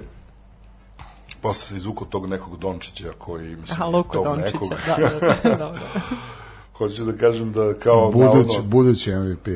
Da, ovaj, kao ta kartica sad možda vredi, ne znam koliko. Ne smijem da pogledam jer onda kao, na šta sad kao. Ali kao, stavio sam ga u binder i to je to kao sad im, imam jednog Dončića. Ako nabavim nekog drugog, možda ovaj koji je kao... Mislim, fazon je u tome da što, što bolji igrač ide je ruki kartica. Znači prva sezona. Znači, to onda, onda to kao ima kao, ne znam kakav značaj. A čekaj, ima neke menjaže toga? Ima, ima, Ima. imaš... Ima mislim, kod nas. Ima, postoji tržište i za to i kod nas. A, recimo, sad ovo evropsko prvenstvo u futbolu, se ne kašuči su pojavili kod nas na trafikama. Mhm. Znaš, pa sad ko je kupio, ko je nabavio, ko sad, da. Mislim, pored sličice. Da, da. Bude i kod nas, mislim, nije da ne bude, ali to je onako, Da, mislim da je bilo nešto u porti, je li tako? Pa ne, Da. ovo u Portu, u Portu je ono sa, u sa portu su to je regularne baš. stvari. To. Da. Mislim, ja sad polako počnem malo da se hladim od svega toga, jer kao naš ova korona je presekla sve tokove, a ja imam kući dvoje malih klinaca i onda kao naš, ok, mi, njima će to biti zanimljivo, možda jednog dana, možda i neće, ali kao naš, već kao, rešio sam da probam da to malo, tu kolekciju redukujem, da ono kao malo vidim šta mi je važnije, šta mi nije važnije, to što nije važnije da nešto vidim dalje šta će s tim i tako. Dobro, ali to je samo jedna od kolekcija tako koju imaš, tako da, Da. ti imaš te redukcije na više Pa nivoa, da, jel mislim, najveći problem je sa diskovima, kojih imam negde blizu 10.000 Pa to zauzima mesto. i to prilično zauzima mesta i mislim, stvarno moram da, da vidim šta i kako. Već, već sam počeo kao to nešto da se da Hoćeš da ti izdajem garažu? Za sad imam prostor. da, da, da. to sve stoje, ali ovaj, nije nemoguće, možemo i to da se dogovorimo ako bude bilo potrebe. Ne, ja hoću da svedem priču na, na nešto, da vidim šta, ono, šta je u celoj toj priči, a, šta ostaje, šta ne ostaje. To što ne ostaje, to da vidim, znaš, da To su zapravo možeš i da prodaš, možeš da pokloniš, mo, možeš na kraju krajeva na ove uh, humanitarne akcije. A znaš kako, Da. u, u Austriji, na primjer, koja nam je kao relativno blizu, ovaj, pa i u Nemačkoj, postoje oglasi gde ljudi koji se, ne znam, sele ili ne znam šta rade, pa imaju višak stvari, oni kao daju oglas, pa kao ti dođeš i pokupiš kao to maš. E onda to završi na našem buvljaku. Da, znači, da, da. neko, neko dobije besplatno, ono to ovde prodaje, koliko god da uzme, super, i zato ti neki sad diskovi se i mogu nabaviti po nekim smešnim cenama. Da, pa Disk je baš dosta devaluirao. Ali opet, postoje neki kao nazovi rariteti, pa su opet neke sumanute cene. Tako Da, to ima, ima i ona kraja. kontra ovaj, što ovde ljudi pokupuju po najlonu i tako nekim pijacama, onda odnesu na naš mart u Beču, onda ovaj, subotom kad je tamo buvljak, onda je to ovaj, do, dostiže enormne cene za Ma da, ovaj, roba putuje, ali, ali najluđa priča je vezana ovo ipak za sličice. Pošto sličice, ipak sličice, te kartice budu nekad napucane toliko da stvarno, znaš, ti vidiš da je tu uloženo neka i tehnologija da bi se to napravilo da to tako izgleda, znaš, ono nešto to bude i debelo i i sa nekim prelivima, s s nekim sjajima, nešto 3D, kao svetli u mraku, ne znam šta radi, tako, da, da. neka čuda ovaj, vizualna, a ovaj, sličica je ipak sličica, znaš. I sad, recimo, ima taj neki futbaler koji se zove Haaland, koji je ovaj, sad igra u Borussia Dortmund, a pre toga je igrao u Austriji. I dok igra u Austriji tu polusezonu, njemu je sličica izašao u tom nekom albumu koji se zove Austrijska liga. Totalno nebitna liga u kolekcionarskom smislu, to skupljaju uglavnom Austrijanci. Međutim, to se pojavi kod nas na tržištu, jer neki likovi to hoće kao da nabave vamo tamo i sada ima neki lik dobavljač iz Beograda koji kao ima ponudi i Austrijsku ligu. I kao počne njemu kutije da se prodaju u Rumuniji. Rumuni počeli ko, ko poludeli da kupuju Austrijsku ligu.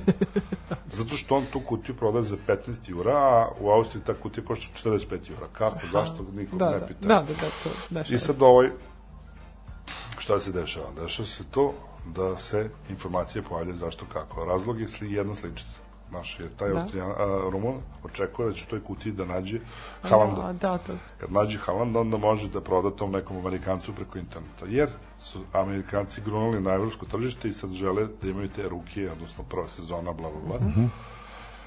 Taj Haaland trenutno vredi 400 evra. o, Pazi, to je jedna da. obična sličica, ljudi. Ono, Da. bez veze, ono, ništa. Ono, kao. Da, da.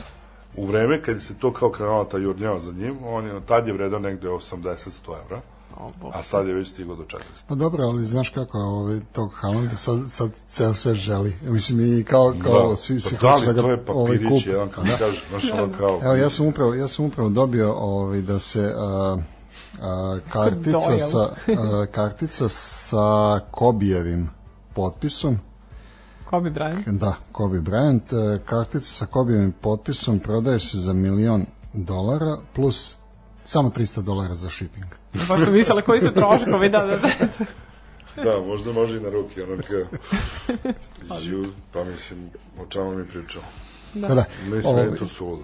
E, ovaj, a, hoćemo pre ovog sledećeg se- segmenta ovaj, da idemo na muziku, da? da.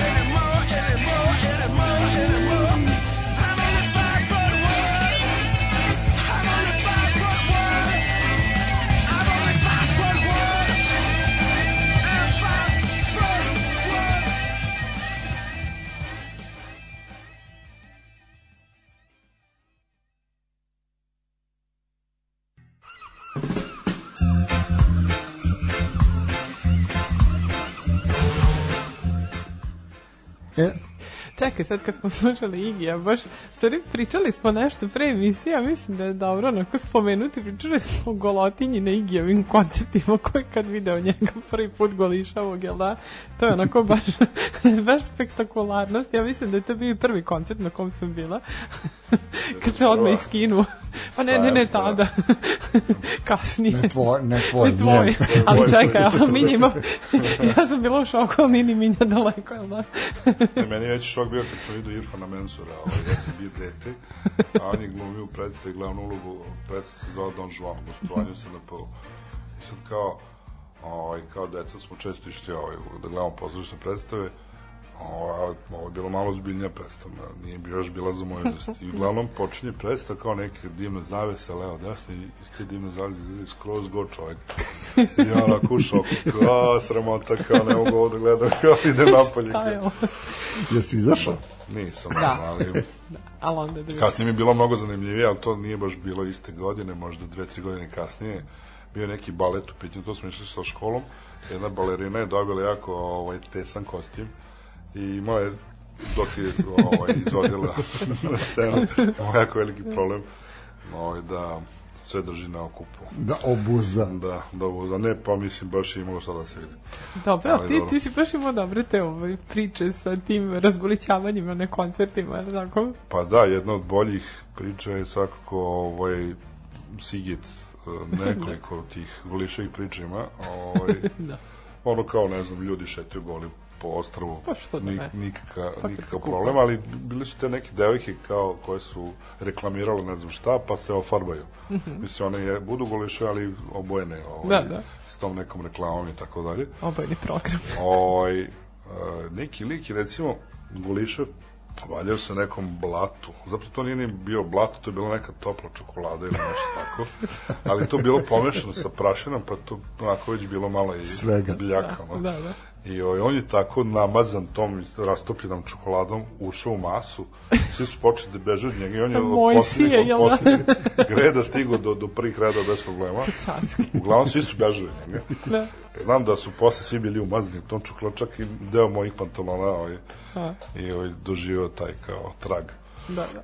Ali ovaj, da se vratimo na Golotinju, a, a, a, Stone Roses na Sigitu a, ide pesma She Bangs the Drums, jedna jako lepa devojka koja je podignuta na ramena, skida grudnjeg, baca na binu i ta scena napravi čitavu ovaj, histeriju i lavinu i ovaj, počinju se i odjedan put skidaju, ne baš svi, ali kao jedan broj ljudi kao počinje se i muški i ženski i onda to bude totalni show program.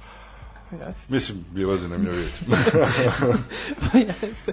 Ali ovaj, sad onako sad već krenuli na tu muzičku stranu.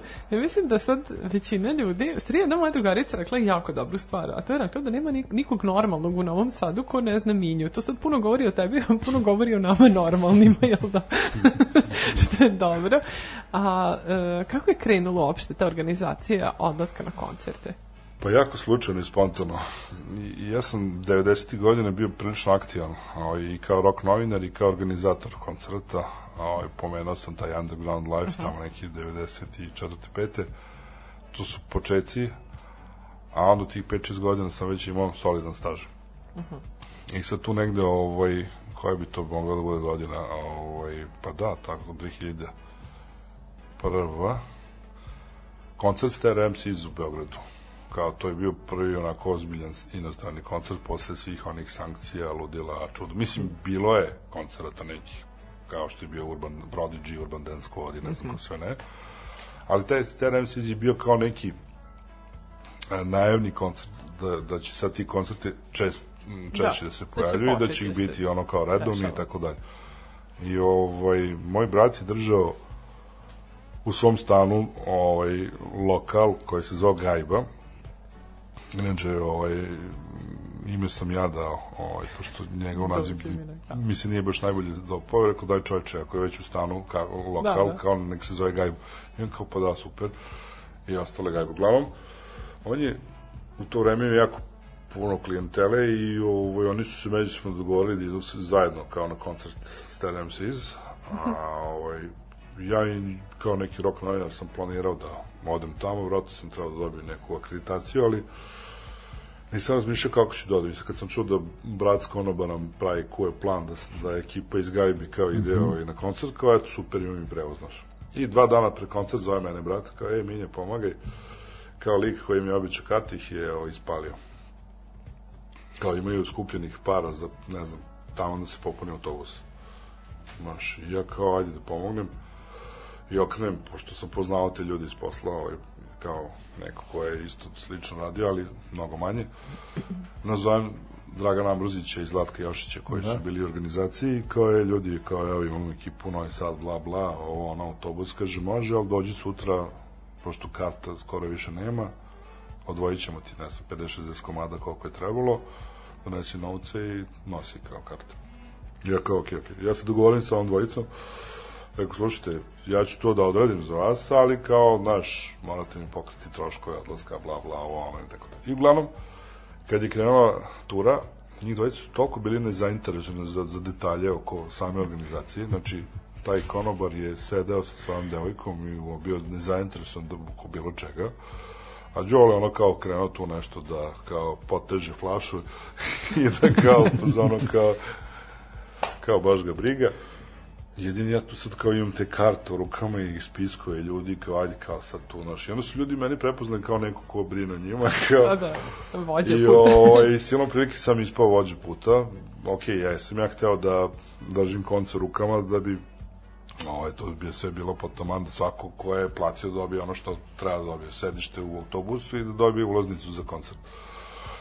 I to se završilo, mi smo se vratili, ovaj, Đolete smo jedva uneli u autobus. I uglavnom, posle ne znam koliko vremena, eto ti novo koncert u istoj organizaciji, ovaj, Jošić Ambrzić, eh, na istom mestu Taš Majdan stadion, ali kao u pitanju Manon Čao. Sad ta neka ekipa koja je išla na Stan MC, kao, e, kao Minje, vodiš turu, ajde, hoćemo da idemo, bla, bla, znaš, ono. Ja sam tu kao sinem i kao, aha, pa dobro, ajde, kao, znaš, kad već ljudi zovu, možda bi ja to mogao. Ja okrenem on dvojicu, kaže, evo, kao, hoćemo ponovo, ali to je sad bilo mnogo vremena unapred.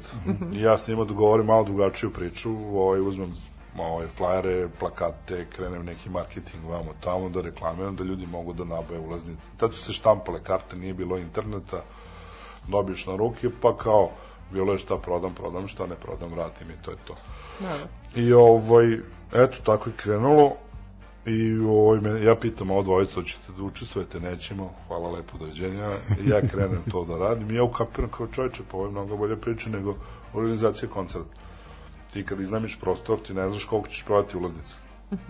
Ovde možeš, ako prodaš, ne znam, 50 aranžmana, e- eto ti jedan autobus, ako prodaš 100 aranžmana, to je dva autobusa, i tako da tako da. Znači, ne možeš da pu, pucaš u prazno, što se kaže.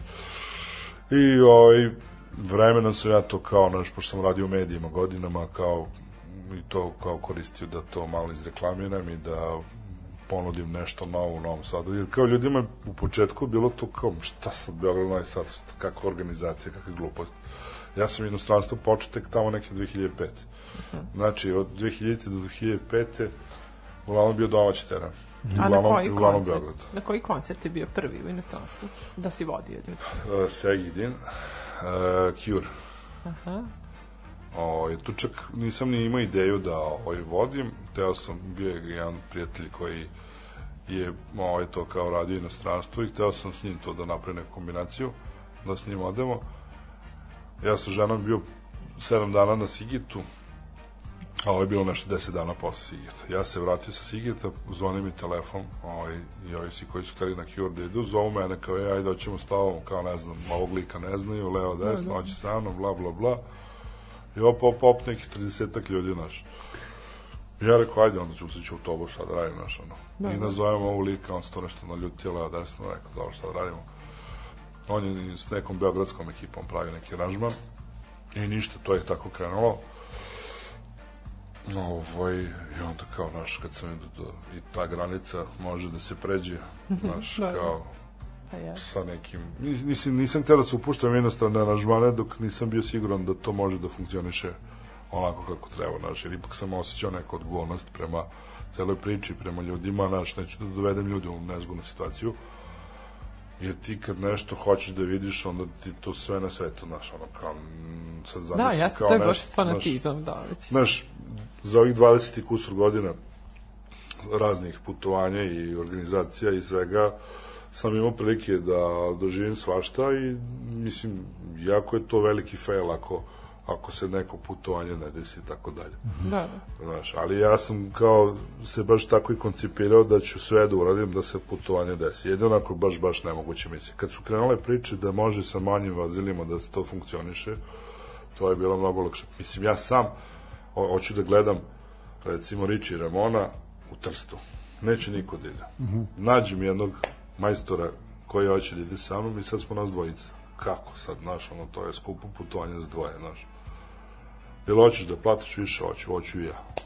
I tu mi nešto, nađemo nekog najjeftinijeg mogućeg vozača, u, izrentiram vozilo od brata, nađu najjeftinijeg i nešto mi iskrpimo i odemo, znači ono kao, mislim, to je bio skup sport za dvojicu, ali smo otišli. Znaš, otišli u, ovaj, gde je to bilo, u Trstu. Richie Ramon. I onda taj Richie Ramon kao najavi koncert u Beogradu pre jedno dve godine, na primer, i nešto mu se desi zdravstveno i on kao pomeri za godinu dana. Ti godinu dana pojavi se korona. Da, pa to, I da, e tako, sad. znaš, niko Da, čovjek ne, dođe. A, a, hteo sam da te pitam, ovaj, a šta je najdalje što si organizovao nekome? Najdalje, pa Kao taj Minhen, taj min, mislim, ako ne računamo sad uh, te neke bendovske varijante gde, gde su kao, mislim, dobro, to je Znaš, ima ono varijante kao ljudi u nekom manjem broju treba da odu na neko putovanje, pa sad neću tu sad da računam kao išli smo na koncert, znaš, ali ono kao baš da smo išli na koncert, to je taj Stray Cats u Minhenu. Mislim, i sa Šećerovim sam išao na Iggy Popa u Berlin, ali to smo išli avionom na stroje, znaš, kao to, to je bila onako privatna organizacija, ne mogu da kažem da je A to sad dobro, bila on neka... baš, on baš O, ide. da, da. radi. Da, ja sam, ja sam ovaj, mislim, a, čuo sam da ti zapravo i ne voziš. I to je, to onda verovatno, to, to je A to je, i to je, to je tek problem. zanimljivo. Ljudi se smeju kad čuju ovaj. Ja od malih nogu imam problem, bude mi muka u vožnji. Znaš, i sad kao, ja sam bežao od volana ceo život. Ja nikad nisam polagao, niti želim ni dan danas. I sad, kad, kad god idem za, ne znam, Hrvatsku, treba preći i, ovaj, iriški venac, ovaj, i te krivene i to meni, zlo ono, je, trauma, ali već sam se onako psihički, zato što je kratka deonica, pa nekako. Ali onda smo išli za Zagreb, Podravskom magistralom. Mislim, to ne bi preporučili onima koji podnose krivene. Ovaj, ja sam zelen stigao ovaj, ovaj, u Zagreb, znači da me Đogani vide, mogu da me stavi u spot. Ovaj, idemo na Mars i to, a ovaj, kaže, ja tog jutra nisam doručkovao, a tri put sam povratio. Znači, ne znam šta sam povratio. Znači, deo sebe sam ono izbacio. Jako, jako nezgodno. E, Taj promena ritma, nije to loš toliko put koliko je krivodovi, koliko stalno ima nekog cimanja, zastoja, stalno ti neke vozila u, Ja, uleću tamo i tako dalje. tamo Je, koja ti je najbolja priča sa tih, ta, mislim najbolja, neka onako da, da, da, da Anegdota onako neka. posebno ovaj, draga, zanimljiva. Da ćeš se celog života stresna. Pa, vjerojatno najjača priča objektivno je ovaj, kad smo išli jednom u Sofiju a, na koncert Bon Jovija.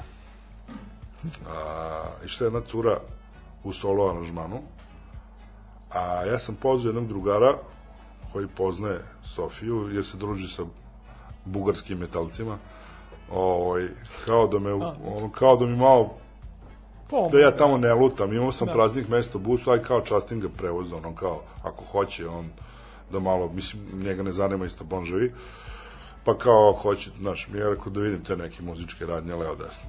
I ja kao, ajde, kao povedem njega, i on prvo nije hteo da sedne pored te devojke, I, ili ona pored njega, ne znam šta je bilo, sedeli su razdvojeno, znaš. Ovaj, a onda, ovaj, kad smo stigli tamo, kao nešto smo se spojili, kao slučajno, namerno, leo desno, sedeli i pili kafu, posle se ja odvojio od njih, u poratku se tu nešto čudno desilo. Nije čudno, Dvoje su ali... se tako smuvali, da. Ovaj, kao, oni su posle poratku ceo put sedeli zajedno, non stop su se sme, Sad im je Milija kum. I ovaj, nisam im kum zvanično, a nezvanično mogu, bi mogao da budem, ali imaju troje dece i brata. Tako da ovaj, kao to je onako jedno. Mislim, bilo je tih momenta i ranije da se neko na tim putovanjima spanđa, ali ovo je onako baš priča koja je baš zaživjela. S obzirom da su u braku i da imaju troje dece, to je onako kao baš... A pazi, mislim, to se ne bi desilo da ja ovog lika nisam pozvao Tako da, ovaj, eto. Ništa, da ti sam. pomogne, jel da, da, da se ne gubiš po sobi. Tako da, ovaj, eto, bio sam ovaj, kupidan u toj priči. A ovaj, ima takvih anegdota. Mislim, vjerojatno ima za koje ne znam. Da. A, ne, a onda je u kontra kontekstu je bila priča ovaj, onaj nesretni Exploited u Beogradu kad su bacili suzavac pa koncert bio otkazan posle treće pesme. Ja sam uspeo nepovređene da skupim svih stotinak ljudi u dva autobusa. Povređene. Mislim, tu je bilo prilike da bude povređeni, pošto Pa, tu bilo ne? i lomljanje stakla i gušenja i ko zna čega i različitih incidenata. Znam da smo bili u, u, u reportaži tako se to zvalo na, na, na RTS-u ili su puštali neku rikošet ili tako nešto, neka Ja, da, oni kao neki presek neki. pozovi da. 92. Neka emisija na, na temu kriminala i sličnih Da. da. rabota, znaš, sad, pošto je ovo bio neki incident vandalski, ne znam šta, oni su to ubacili u emisiju i onog ja u kožnoj jakni kako špartan gore dole, ono kao, o, uglavnom ja presretan kao skupio sam ljude, svi su živi, svi su zdravi, niko ne fali, niko nije uhapšen, bilo je i hapšenje, bilo je svega. I ovaj, i stignem u Novi Sad i kako smo izašli iz, iz autobusa, pobio se neke dve frakcije, ono kao, znaš, zbog neke ženske, nešto, nemam pojma, to nisam. A vratio sam vas, jel da? Kao je, kao dovedem ih čitaju i oni međusobno se pobiju. Pa, majko. Ja. Tako, ali mislim, znaš, sad kao, kad bi kopao po memoriji, verovatno bi moglo tu što šta, ono, u par tomova da se ispriča. Da. Ovo, Da, jeste. Baš smo u stvari pričali koji je bio poslednji da si, da si vodio sad pre ove korone, Pre za vreme korone. korone. Pazi, imao sam ja nedavno pokušaj ove godine. Ovaj, Išli smo u jako malom broju. Broj je bio malo veći, pa se na kraju u posljednom trenutku smanjuje. Ja nisam hteo da otkažem ovaj priču, jer sam i ja želeo to da vidim. Išli smo na nešto što nije koncert, izložba Alana Forda u kući cveća. Aha, e, da, da, da. Ovaj, i Da, to je bilo pre četiri nedelje. Tako malo nešto. više, to je bio, ja mislim, još neki februar. Tako? Jedino ako su oni produžili. Da, mislim, mislim da je bilo To je trebalo da bude do kraja januara, pa su na kraju produžili do kraja februara, mi smo u- u- upecali taj jedan termin, bili smo prezideli, ali otislo nas je onako šaka jada. Tu su mi u nekom pa 5 do 12, ono, otkazali ih nekoliko, mislim, Pa da, situacija. bilo je realno da se otkaže cela priča. Dosta ljudi su se plašili, ne znam čega, ovo je, ali ovo je, nije bilo nikakvih ono kao problema, mi smo to bez problema ispratili, jer u isto vreme bila i smuđina ova izložba, ovaj, našeg novosadskog genija, ovaj, koji živi u Italiji. Čak pošto smo drugari na fejsu, on se tu kao pojavio s pričom kako bi on volao da ide s nama, ali da ga pokupimo tamo negde u, u, u, u gde on sad živi već tamo negde blizu Venecije. I tako, ništa, kao, eto, desila se ta E. tura. Pokušali smo da napravimo reprizu na dana kasnije, međutim, to nije zaživjelo i eto, to je to. A vidi, ja sad ovde, ovde smo dobili ovaj, poruka. Ovaj, mislim da bi ovo mogla da ti bude najduža tura koju si organizovao. A, dakle, Bauhaus, Dem, Divo, Morisi, Blondi, Public Image Limited, treba Daška da odvedeš tamo. Može. Može.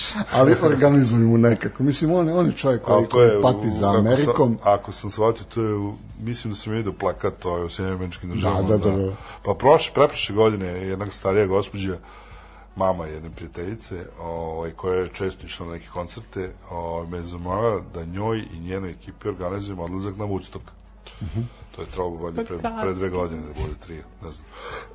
Ja kao, ok, nema problema, ali da vidimo šta kako. Međutim, na kraju taj koncert je otkazan, pošto tu bilo gomilo nekih problema i tako dalje. Ali eto kao, mislim, žalje postoje, a kad žalje postoje, onda nije ništa nemoguće. Dobro, znači, a, Daško, ako slušaš ovo, javi se Minji, Minja će nekako uspeti da te izorganizuje.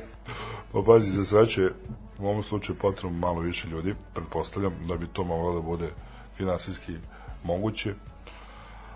Ovaj, ma da kažem, line-up je takav da tu, evo ja sutra odmah bih otišao tako nešto da. da. vidim, međutim, ovaj, E, Zamišljam Minjo večeras koji otvara ove njegove sličice i kao šta žrtvovati za avionsku kartu.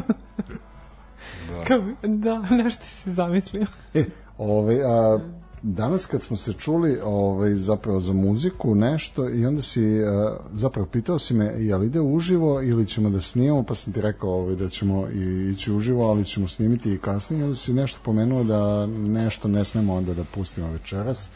Hoćeš da ispričaš šta će to da, da bude premijera Pa ovaj, da, ili... nešto što sam nedavno saznao i što je onako baš vruće i meni jako, jako intrigantno i zanimljivo što se tiče domaćeg zvuka na ovim prostorima i domaćeg rock'n'rolla. Jedan čovjek koji je stalno bio u senci ovaj, a, a, će konačno da objavi svoj prvi samostalni album čovjek koji je bio poznat po tome što je svirao bas gitaru u, u sastavu Visi Doli ga godina već nastupa a, ovaj, sa, a, sa svojim blues bandom Zona B. Zona B, da. Ovaj, ljudi su imali prilike da ga vide u Foxtrotu više puta i mislim ta Zona B postoje jako dugo i mislim da imaju nekih ja mislim da imam sve albume a to je nekih 5, 6, 7, 8 komada ovaj, tako da ta priča funkcioniše. Međutim ovo je nešto što, što će njega da izbaci u prvi plan. Ovaj, on je sa ekipom koja se zove Magic Bush, fantastično nešto što postoji na našoj sceni, znači band koji je stvarno onako kao prava infuzija za onako zdrav rock and roll zvuk. Ovaj, I je upravo ekipa Magic Bush, ekipa koja je proizašla iz uh, postave Best Beat.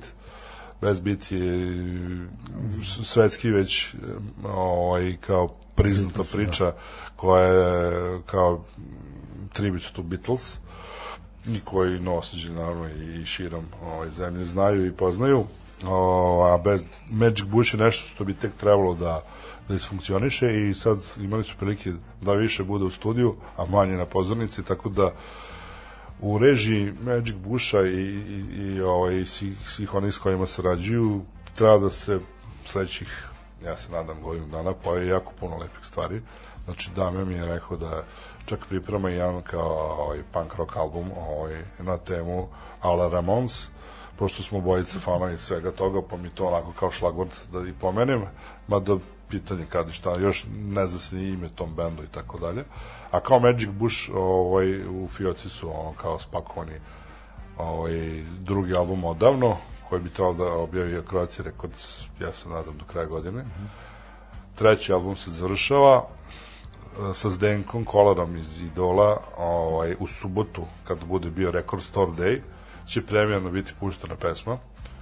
Ja sam je čuo, fantastično je, a ovaj, za šire narodne mase, kažem, u subotu, Od subote. od subote ovaj, bit će te album, znači Zdenko Kolar i, i, i Magic Bush, nešto kao što je bio Gili i Magic Bush, mada Gili i Magic Bush isto treba da se desi studijski album, skroz nove pesme koje Da. su zajednički spakovali, tako da je to nekih pet albuma u, u nekom ovaj, da kažem, u periodu koji, da. koji očekujemo, tako da E pa da mi čujemo ovaj Magic Bush nešto sa Znači, ovo što ćemo sad čuti, to je sa tog drugog albuma koji treba da, najpre da se pravi od svega.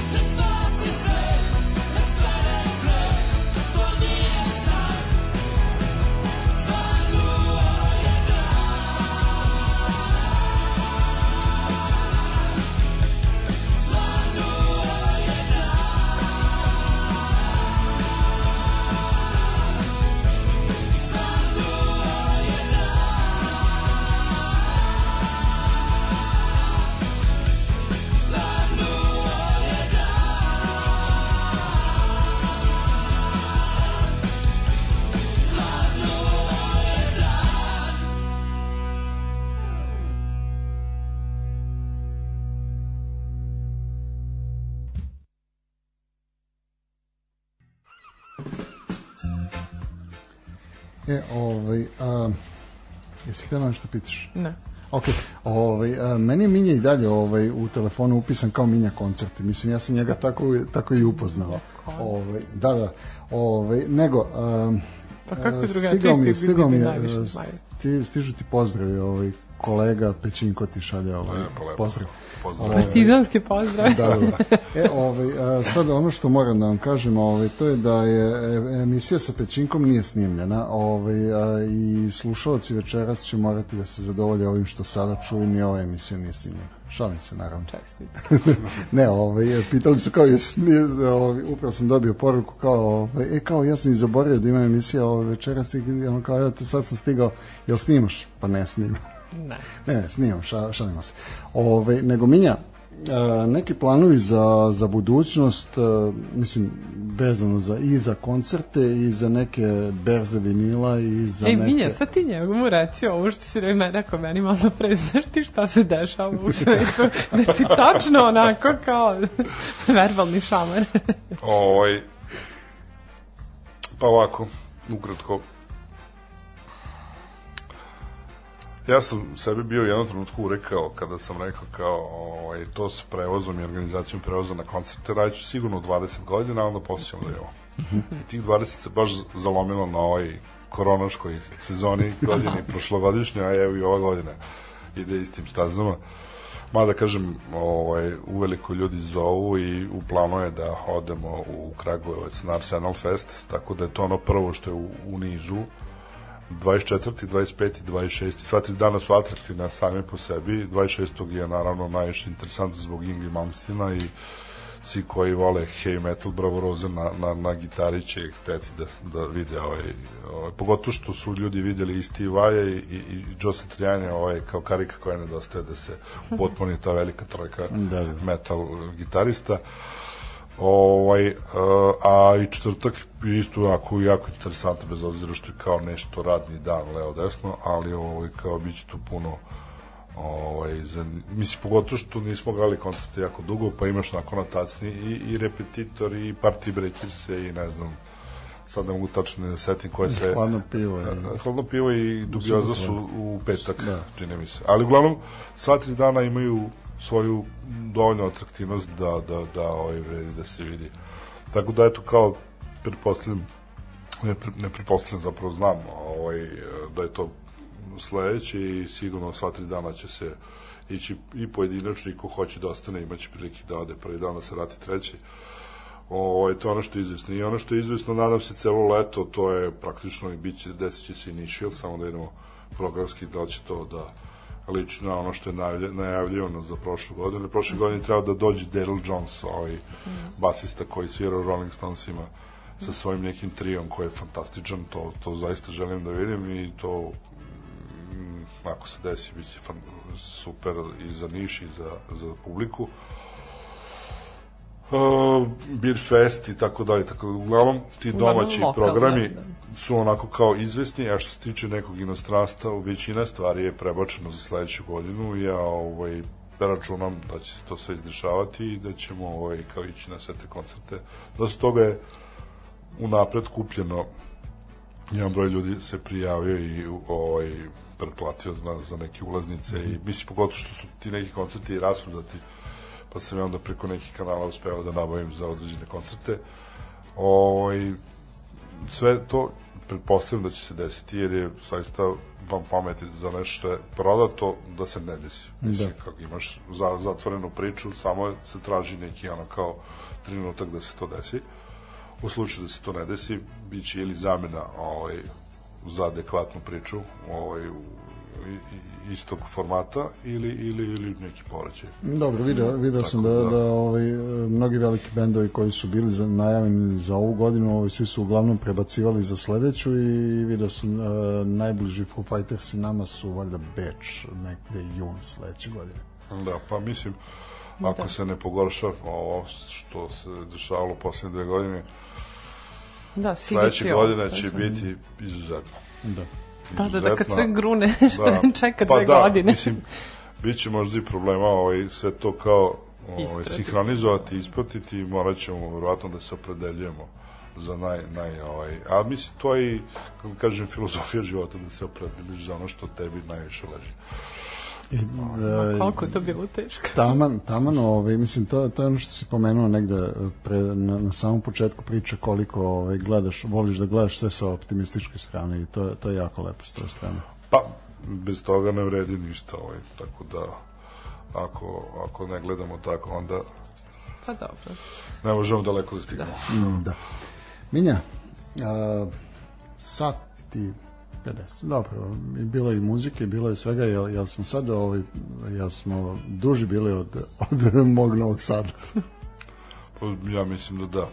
Ovaj, mislim, ono, nisam ispratio na papiru, odnosno Dobro, a, organizovat ćemo neki stenogram. Pa da, da, da, da. biće, biće uz, uz podcast će biti ovaj stenogram ove, ove E, epizode. malo, malo sam se vratio, kako kažem, u neku ovaj, malo i dalju prošlost, kada, kada mi je ovo bila svakodnevnica. Ovaj, ja sam jedan period života bio radijski voditelj. Ovaj, Koliko dugo nisi seo za, za mikrofon ovako? Pa nešto, kako kažem, ovaj, onako, onako na, na duže, jako dugo, ali, ali u tim nekim kraćim radijantama sam kao imao neka gostovanja, ovaj, ovaj, tako povremeno ima šta da se i najavi i, i da se ispriča, pa onda kao eto, nađe se neki prostor. Mislim, bilo je tu raznih radiostanica gde sam kao neki gost imao prilike da, da ovaj, podelim etar, ali kažemo, ovaj, taj neki period kad sam baš, baš sam bio onako i mlad i napaljen i ovaj, radili smo svašta. Znam da je, da recimo, pošto to bile ratne godine, 90-ih, da je recimo bilo zabranjeno da se puštaju ovaj, hrvatski izvođači, naš, a ja ono gruvam kod idiote, pun gas. I ne samo kod idioti, i, i ovaj, razne bendove ovaj, koji su pod znacima navoda bili zabranjeni. Dakle, ajde, nek mi neko zabrani. jer Tako, mislim, znaš, ono kao, imao sam tu neku autonomiju i slobodu, jer je to bio kao neki studentski radio, pa kao naš, nisu, nisu hteli puno da nas... Jesi razmišljao možda da, da kreneš ponovo u neku, neku tu varijantu, da napraviš neku svoju emisiju koju, koja bi išla recimo jednu nedeljnu koju bi mogao da, da negde plasira. Pa, Evo, stoji recimo to- na ovim Iz, talasima. Da. iz minjine CDTeke, ono. Pazi, stoji to, Bogate ne, CDTeke. mislim, mene, mene nek mi neki prijatelji nagovaraju i da imam YouTube kanal i da ovaj, mislim, znaš, sve to super, samo to treba imati fokusa i malo i vremena, a ja želim fokus prvenstveno da posvetim svojim dečacima Da, da.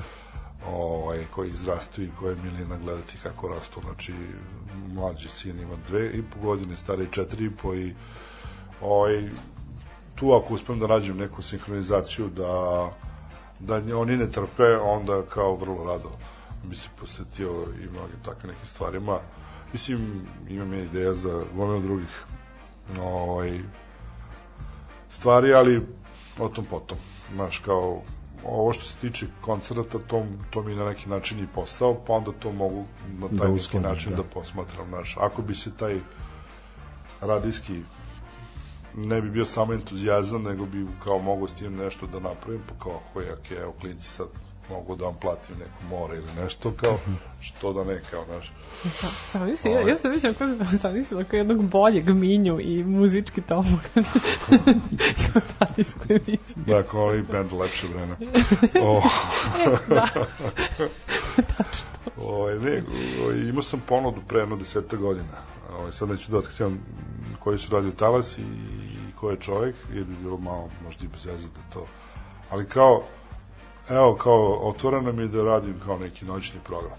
Znači, pa već u startu nelagode kao termini, kao noć, kao naš. Da. Nije to baš svolko godine ni jednostavno. Pa okej, okay, okej, što da ne. A onda kad smo došli do financija, kao, pa kao, mi smo mislili kao... mm, Pro kao bono. Nula. Kao, Da, za burek i jogurt ujutro posle noćnog nema baš programa. 15 godina, znaš, kao, mislim, nije problem, ovaj, ali kao, znaš, ipak moram da gledam širu priču. Znači, ja sam za života puno toga radio besplatno i nije mi to nikad teško padalo, ali kao, znaš, sad sa ovoliko staža i nečega, ipak treba da razmišljam i ovim mojim klinicima i tako dalje.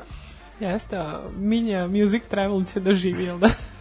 Pa da, zato što je to, kako kažem, ovaj, zatvorena priča, zaokružena priča, jer ovaj, kao e, posao koji ovaj, te čini se i sretnim i može da ti Prosto su te ljude izabrali da to da, rade. pa da A sad, sad, sad kad im Smilja ovaj, rekla Minja Music Travel, ovaj, meni je palo na pamet, ovaj, sad ide ovo evropsko prvenstvo u futbolu, jesi nekada razmišljao da, da se proširiš na tu sportsku stranu? Pa na šta, bilo je toga. Ovaj, išlo se, ovaj, bar u ovim dovećim okvirima kao nešto, tipa futbol, košarka. Pravili su tu neke posade, ovaj, što Partizan, što Zvezda, što nemam pojma kad su igrali. Do, dođu javi. Znaš, javi se ekipa, napravi se. Ja znam da sam išao s navijačima Vojvodine, pošto kao naravno podržat ću sve što ima veze s Novim Sadom. Kad se igralo finale kupa, pa sam s tom ekipom išao ovaj, da bodrim Vojvodinu. Ovaj, ali to nije bila neka moja organizacija, to je bilo kao naš preko kluba, pa sam shvatio da tu ima problema i tako dalje. Generalno, s navijačima nije baš Da, da. vesela priča, pogotovo i moj busarđe s kojim sarađujem godinama mm, imao je baš onako nezgodnu situaciju kad je vraćao navijače iz Čačka ovaj, maltene su mu zapalili autobus ono kao Da. to je bila neki ovaj, puškomet tu su bili neke frakcije pa su se međusobno ono gađali molotovljim koktelima znači ono polomili mu sva staklišću pa nekako ne znam koliko sad mislim jezivo ovo- tako da to s navijačima nije baš Pa to je jedino za neki stoni tenis Da. tako nešto. Bezopasno, da. za bilijar. Ove, upravo sam dobio pitanje, mislim da bi mogli da završimo ovim. E, neko pita da li je tvoja emisija bila garažni sokak? jeste Jeste. Jeste, to je bilo na radiju Dunavu, tamo neke 99. 2000. pa možda i delimično 2001. Ovaj, ono što je zanimljivo za tu emisiju, a, ja kad sam došao na audiciju, tadašnja devojka me govorila, ej, kao ne vola da sluša Radio Dunav, kao traže muzičkog kao urednika, kao ajde, kao i prijavi se. Pošto sam ne, bio, s radijom se bio kao pozdrio tamo još neki 97. To je bio neki pokušaj sa radijom 021, pa nije baš ovaj, zaživjelo. Uglavnom, ovaj, posle tri godine, dve, kao oglasa za audiciju, iako ajde, a u životu nisam bio ni, ni na jednoj audiciji, sad kao prvi put. I tadašnja urednica, kada je čula ovaj, kao moje interesovanja i neki feedback i šta ja znam, kaže kao, bog te, kao, pa gde si ti do sada, kao, tako je tražimo, čekamo. I kao, dobro. I ja sam kao, pošto sam negovao ovaj, tu priču sa domaćom muzikom, Leo Desnom, kao predložio da se radi neke emisije, pa kao imali su oni ideje od ranije, kao tadašnja neka voditeljka je trebala sa ovaj, doktor Popom iz Ateista, kao da ima voditeljski tandem, kao da li bi ti s doktor Pop, pa kao mi smo drugari, kao što da ne. I, ovaj, i kao, ajde, krenut ćemo. Ja mislim da se emisija zove Garažni sokak. O, jer moj prvi komšija u- u zgrade do zgrade je bio Tukša, Goran Ivičić Tukša.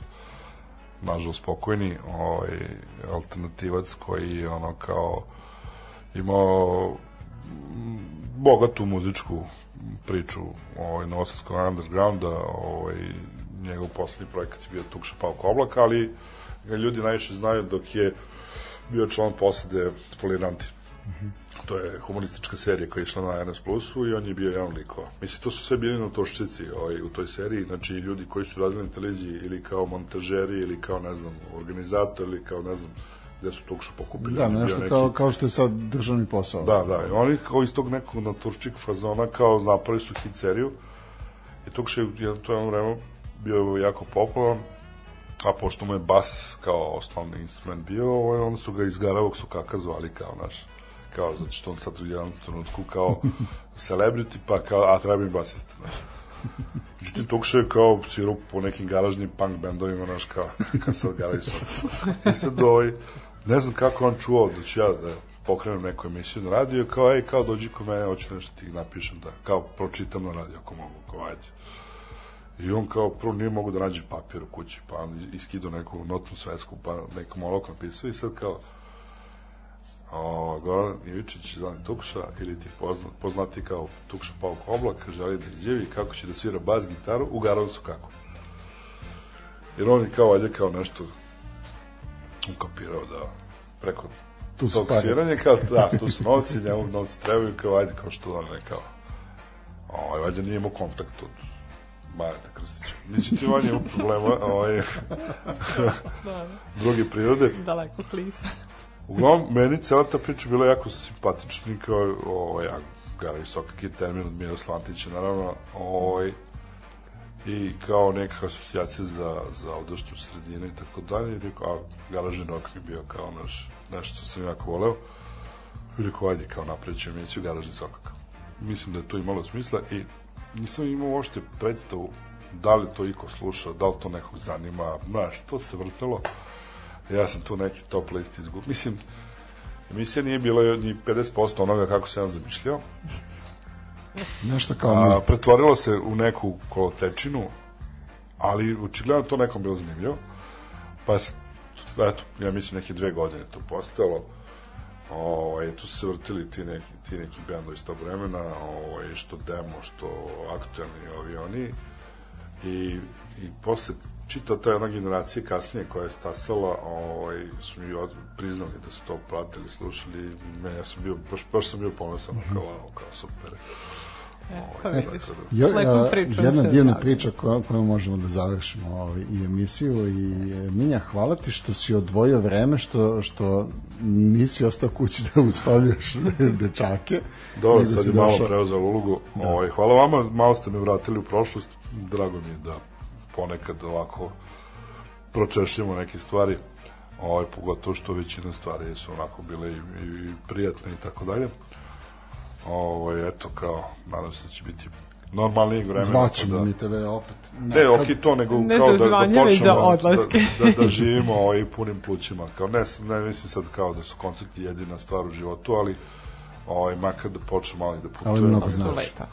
i da, ovaj, da, da nemamo ovaj, taj strah od ne znam čega i tako dalje. Mislim, neko ima, neko nema, ali ovaj, ta neka normalna da se vrati u svakom slučaju. Da. Jeste, jeste. Hvala ti Minja još jednom. Hvala Minja, hvala vama. Laku noć. Zdravo.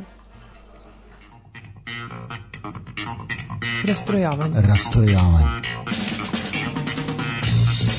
Četvrtkom uveče u 8.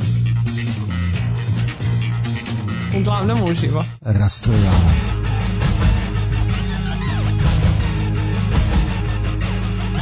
8 sati. Rastrojavanje.